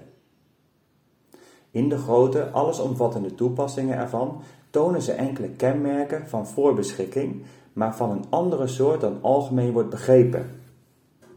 In deze betekenis spreken we van zulke seizoensgebonden of periodieke veranderingen in het atmosferische evenwicht die een bijzonder gecompliceerd ecosysteem vertegenwoordigen, waarin zelfs verre gebeurtenissen zoals zonnevlekken een rol spelen. Evenzo brengen inslagen van meteorieten op planeten zekere veranderingen teweeg die zich op de aarde weerspiegelen door hiermee overeenstemmende veranderingen in weer, klimaat enzovoort. Deze grotere invloeden brengen soms, tezamen met periodieke veranderingen in het klimaat, die worden veroorzaakt door verschillende factoren, waarvan vele nog niet zijn vastgesteld, subtiele veranderingen teweeg in de groeipatronen van plantaardig en dierlijk leven op aarde. Verder zijn er factoren die verantwoordelijk zijn voor droogteperiodes of het verschuiven van de seizoenen van één deel van de aarde naar het andere. Het afwisselen van ijstijden en opwarming van de aarde zijn slechts enkele gevolgen van de verschillende kosmische invloeden. Deze grotere invloeden echter treffen niet specifiek het leven van een individu op aarde, maar omdat individuen alle leden zijn van de familie der Homo sapiens, worden zij uiteindelijk toch in zekere mate hierdoor beïnvloed. Er is geen bewijs dat aantoont dat het leven van iedere mens is voorbeschikt en dat, zij, en dat hij geen keuze of mogelijkheid heeft in het kiezen tussen goed en slecht, juist en verkeerd. De Heilige Koran verwerpt stellig het begrip van dwang en verklaart duidelijkheid dat ieder menselijk wezen de vrijheid heeft te kiezen tussen goed en kwaad.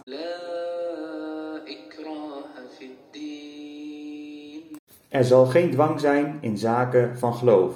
En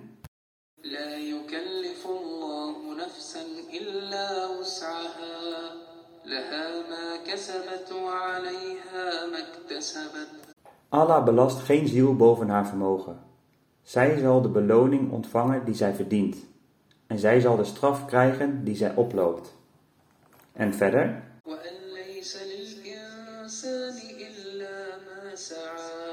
En die mens zal niets hebben dan hetgeen waarna hij streeft. Met betrekking tot religie zijn er echter enkele gebieden van lotsbeschikking die voorbeschikt en onveranderlijk zijn. Hierna wordt in de Heilige Koran verwezen als de Sunna van God. Eén dergelijke Sunnah is de lotsbeschikking dat de boodschappers van God altijd zullen zegevieren of zij aanvaard worden of niet. Als ze, als ze worden verworpen, zijn het de tegenstanders wier plannen worden verijdeld. De profeten, hun boodschappen en missies moeten altijd zegevieren, ongeacht hoe machtig hun vijanden mogen zijn. Enkele voorbeelden in de levende geschiedenis van de mens zijn de confrontaties tussen Mozes vrede zijn met hem en Farao, tussen Jezus vrede zijde met hem en zijn tegenstanders. De zegepraal van de godsdienst is hetgeen blijft als de nalatenschap van vroegere strijd tussen profeten en hun tegenstanders. Abraham vrede zijn met hem en zijn geloof en zij die hem en zijn boodschap steunen, overheersen de wereld. Mozes vrede zijn met hem en zij die hem vereren, Jezus vrede zijn met hem en zijn boodschap en de profeet Mohammed, vrede en zegeningen zijn met hem, en hetgeen hij voorstond, domineren bijna de gehele wereld. Maar men treft vandaag niemand aan die de zaak en de waarde van een tegenstander steunen. Deze lotsbestemming speelt geen rol bij andere confrontaties tussen mensen onderling. De algemene regel daar is dat de sterken de zwakken zullen vernietigen. In religieuze losbestemming is het het omgekeerde dat een onschendbaar principe wordt. Hoewel de natuurwetten harmonieus functioneren en men doorgaans geen uitzondering op de algemene regels aantreft, behoren echter de natuurwetten zoals we ze kennen volgens het plan der dingen zoals afgeleid uit verschillende versen van de Koran tot vele categorieën en gebieden. Ze komen niet met elkaar in strijd binnen hun gebieden, maar als ze elkaar tegenwerken, hebben de wetten die een grotere kracht bezitten altijd overwicht over de zwakkere wetten. Zelfs een wet met de ruimste en de meest verstrekkende invloed kan binnen een klein gebied worden verslagen door een krachtigere wet die er tegen inwerkt. Thermodynamische en elektromagnetische wetten die tegen de wetten van de zwaartekracht ingaan, kunnen in beperkte gebieden aan invloed winnen. Echter, de zwaartekrachtwet is veel ruimer in haar invloed en veel verrijkender. Aangezien het begrip van de natuur door de mens zich van eeuw tot eeuw ontwikkelt, worden dingen die als onmogelijk zijnde werden verworpen, begrijpelijk en een zaak van alledaagse waarneming. Met het oog op deze introductie worden volgens de islam, als God besluit een speciale dienaar van hem te begunstigen met een bijzondere manifestatie van enkele verborgen wetten, zulke manifestaties door de toeschouwers gezien als wonderen en bovennatuurlijke gebeurtenissen. Maar deze dingen gebeuren overeenkomstig de natuurwetten, die op subtiele wijze worden gecontroleerd om een verbazingwekkend effect teweeg te brengen. Hier speelt lotsbestemming een specifieke rol in het leven van een speciale dienaar van God.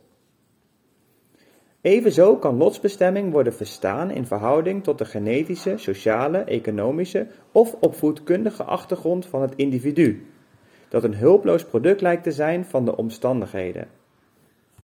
Deze hulpeloosheid van het individu brengt zijn lotsbestemming voort, waarover hij geen controle heeft. Zo wordt in de Engelse taal gezegd dat het kind van iemand die rijk is, wordt geboren met een zilveren lepel in de mond. De omstandigheden waaronder iemand wordt geboren, de maatschappij waarin hij wordt grootgebracht, het dagelijkse spel kansen dat in het leven van iedereen een rol speelt, het hem al dan niet ten deel vallen van zogenoemd geluk, de ongevallen waaraan men ontsnapt of waarvan men heet slachtoffer wordt, zijn alle gebieden waar het individu erg weinig keuze heeft. Toch kan niet worden aangenomen dat hij in het bijzonder was gekomen tot doelwit voor dergelijke gebeurtenissen of ongevallen die een belangrijke rol spelen in het maken of verbreken van zijn leven. Personen die zijn geboren in huizen getekend door armoede vallen waarschijnlijk veel eerder ten prooi aan kleine of zelfs ernstige misdaad. Armoede is de dwingendste van alle factoren die misdaad teweegbrengen of bevorderen. Als dit wordt opgevat als lotsbestemming, werpt dit een ernstige blaam op de schepper. Allereerst dus moet duidelijk worden begrepen dat lotsbestemming slechts deel uitgemaakt van een groot plan der dingen en dat geen bijzondere besluiten uitvaardigt tegen mensen in bepaalde families. In een groter economisch plan moeten er meer gefortuneerde en minder bedeelde mensen zijn met relatieve voor- en nadelen. Het is verkeerd te zeggen dat zij afzonderlijk werden gebrandmerkt door een maker van lotsbestemming, zelfs voor hun geboorte, om te worden geboren onder zekere specifieke omstandigheden. Toch zijn er nog andere vragen die moeten worden beantwoord. Hoe zouden zij worden behandeld met betrekking tot de misdaden die door hun zijn begaan in vergelijking met hun die zijn geboren onder vergelijkenderwijs gezonde omstandigheden en die zo goed als geen achtergrondfactoren hebben die hun aanzetten tot misdaad? Als de misdaad dezelfde is, zullen zij dan gelijk worden behandeld? De Heilige Koran beantwoordt deze ingewikkelde vraag in het volgende vers.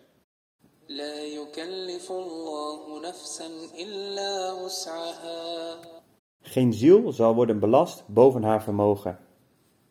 Dit betekent dat achtergrondfactoren, sociale en andere, die iemand omgeven, zeker in aanmerking zullen worden genomen en dat hij dienovereenkomstig zal worden beoordeeld. In de ogen van Allah is het niet enkel de misdaad zelf die automatisch zal worden bestraft, maar alle factoren die hebben bijgedragen aan het begaan van de misdaad zullen ook in overweging worden genomen, met als uiteindelijk resultaat dat recht zal geschieden. De gelukkigen en de ongelukkigen zullen niet worden beoordeeld met gelijke strengheid, en zeer zeker zal rekening worden gehouden met de omgeving en de achtergrond van iemand die een misdaad begaat. Evenzo zullen daden van goedheid veel meer worden beloond in het geval van iemand wiens omstandigheden hem waarschijnlijk zullen ontmoedigen om goed te doen, dan in het geval van iemand wiens omgeving er een is waarin daden van goedheid vanzelfsprekend zijn. Dus de kwestie, kwestie van lotsbestemming is uiterst gecompliceerd, maar aangezien de uiteindelijke beslissing in de handen van de alwetende, de al, allerweldadigste, de almachtige en de alwijze God ligt, zullen uiteindelijk inderdaad de voorschriften van rechtvaardigheid heersen. Er zijn zekere gebieden waarin het de mens vrij staat zijn wil uit te oefenen, waar hij kan kiezen tussen goed of slecht, juist of verkeerd, en waarvoor hij verantwoordelijk zal worden gehouden. Anderzijds zijn er gebieden waar de mens weinig eigen keuze heeft en een speelbal lijkt te zijn in de hand van degene die deze doet bewegen. Het algemene plan der dingen in de natuur, dat zich uitstrekt over lotsbestemmingen van naties en volkeren en deze controleert, is zo een gebied. De omstandigheden van een ruimere toepassing maken een individu uit de samenleving volslagen hulpeloos. Hij heeft geen andere keus dan voort te gaan zoals stro wordt meegevoerd door de golven van een sterk gezwollen rivier. Het onderwerp lotsbestemming is bijzonder gecompliceerd en veelomvattend en vereist een afzonderlijke behandeling die vollediger is. Dus met deze enkele aanwijzingen willen we deze bespreking tot een einde brengen. Conclusie. Wij vestigen de aandacht van de toehoorders op een ernstig onrecht dat islam wordt aangedaan door de westerse wereld. Zoals voldoende is aangetoond met verwijzing naar de leerstellingen van de Koran en de bevelen van de heilige profeet, vrede en zegeningen zijn met hem, kan islam slechts worden beschreven als een godsdienst van vrede. Hij bestrijkt alle aspecten van het menselijk leven en brengt een boodschap van vrede aan zijn aanhangers in zowel hun verhouding tot de medemens als hun verhouding tot God. Zonder vooringenomenheid of vrees voor tegenstrijdigheid kunnen we beweren dat geen andere godsdienst zozeer de vrede, zelfs maar voor een deel, benadrukt als de islam dit doet. Hoewel volgelingen van vele religies soortgelijke beweringen doen, spreken we hier over een bewering die volledig moet worden ondersteund door bevelen die zijn vervat in goddelijke geschriften. Als echter iedere godsdienst in dezelfde mate de rol van vrede in menselijke aangelegenheden benadrukt, is dit een zeer welkom gebaar dat we zeker waarderen en waarop we hoop kunnen bouwen voor de toekomst van het mensdom. In dat geval zal het de voornaamste verantwoordelijkheid van het religieuze leiderschap van alle religies in de wereld zijn om de waardevolle boodschap van vrede, waaraan de mensheid vandaag zo'n grote behoefte heeft, tot uitdrukking te brengen. Het is echter tragisch dat zelfs de aanhangers van de islam deze presenteren als een bedreiging voor de internationale vrede door het bevorderen van terrorisme in de naam van God en in de naam van de heilige profeet, vrede en zegeningen zijn met hem, van de islam, die een levend toonbeeld was van vrede. Als het Westen de islam voorstelt als een godsdienst van terreur en ontkenning van fundamentele mensenrechten, ligt deze fout niet geheel bij hun. Deze wordt op zijn zachtst gezegd in belangrijke mate gedeeld door de geestelijkheid van verschillende moslimgroepen. Te spreken over religieuze suprematie op alle andere gebieden van menselijke interesse en tegelijkertijd vol te houden dat de islam nadrukkelijk het internationaal geaccepteerde begrip van mensenrechten ontkent, is in zichzelf voldoende om het beeld van de islam te, te bedoezelen. Ongeacht het feit of de goddelijke geschriften van andere religies het ideaal van universele vrede hebben gepresenteerd of niet, kan zonder vrees voor tegenstrijdigheid worden gezegd dat alle religies tot zulk een ideaal geneigd lijken. Dit legt de basis voor een gezamenlijke inspanning van de zijde van religieuze leiders in de wereld om gezamenlijk te werken aan wereldvrede. In plaats van onze verschillen te beklemtomen, zal het veel raadzamer en nuttiger zijn als het religieus leiderschap de punten van overeenstemming zou benadrukken. We zijn er zeker van dat dit zou worden geaccepteerd als de bindende factoren tussen alle religieuze groepen. Bijgevolg zou dit kunnen leiden tot het samenbrengen van het gehele menselijke ras, ongeacht land, geloof of kleur. Als religies dit werk niet op zich nemen, kan niemand anders dit doen, omdat dit de enige kracht is die in staat is om nationale en geografische obstakels en raciale belemmeringen te overstijgen. Met dit ernstige beroep op het leiderschap van de wereldreligies beëindigen we deze korte verhandeling en hopen op het beste. Het zoeken naar vrede is een zaak van het voorbestaan van de mens en moet als zodanig niet licht worden opgevat.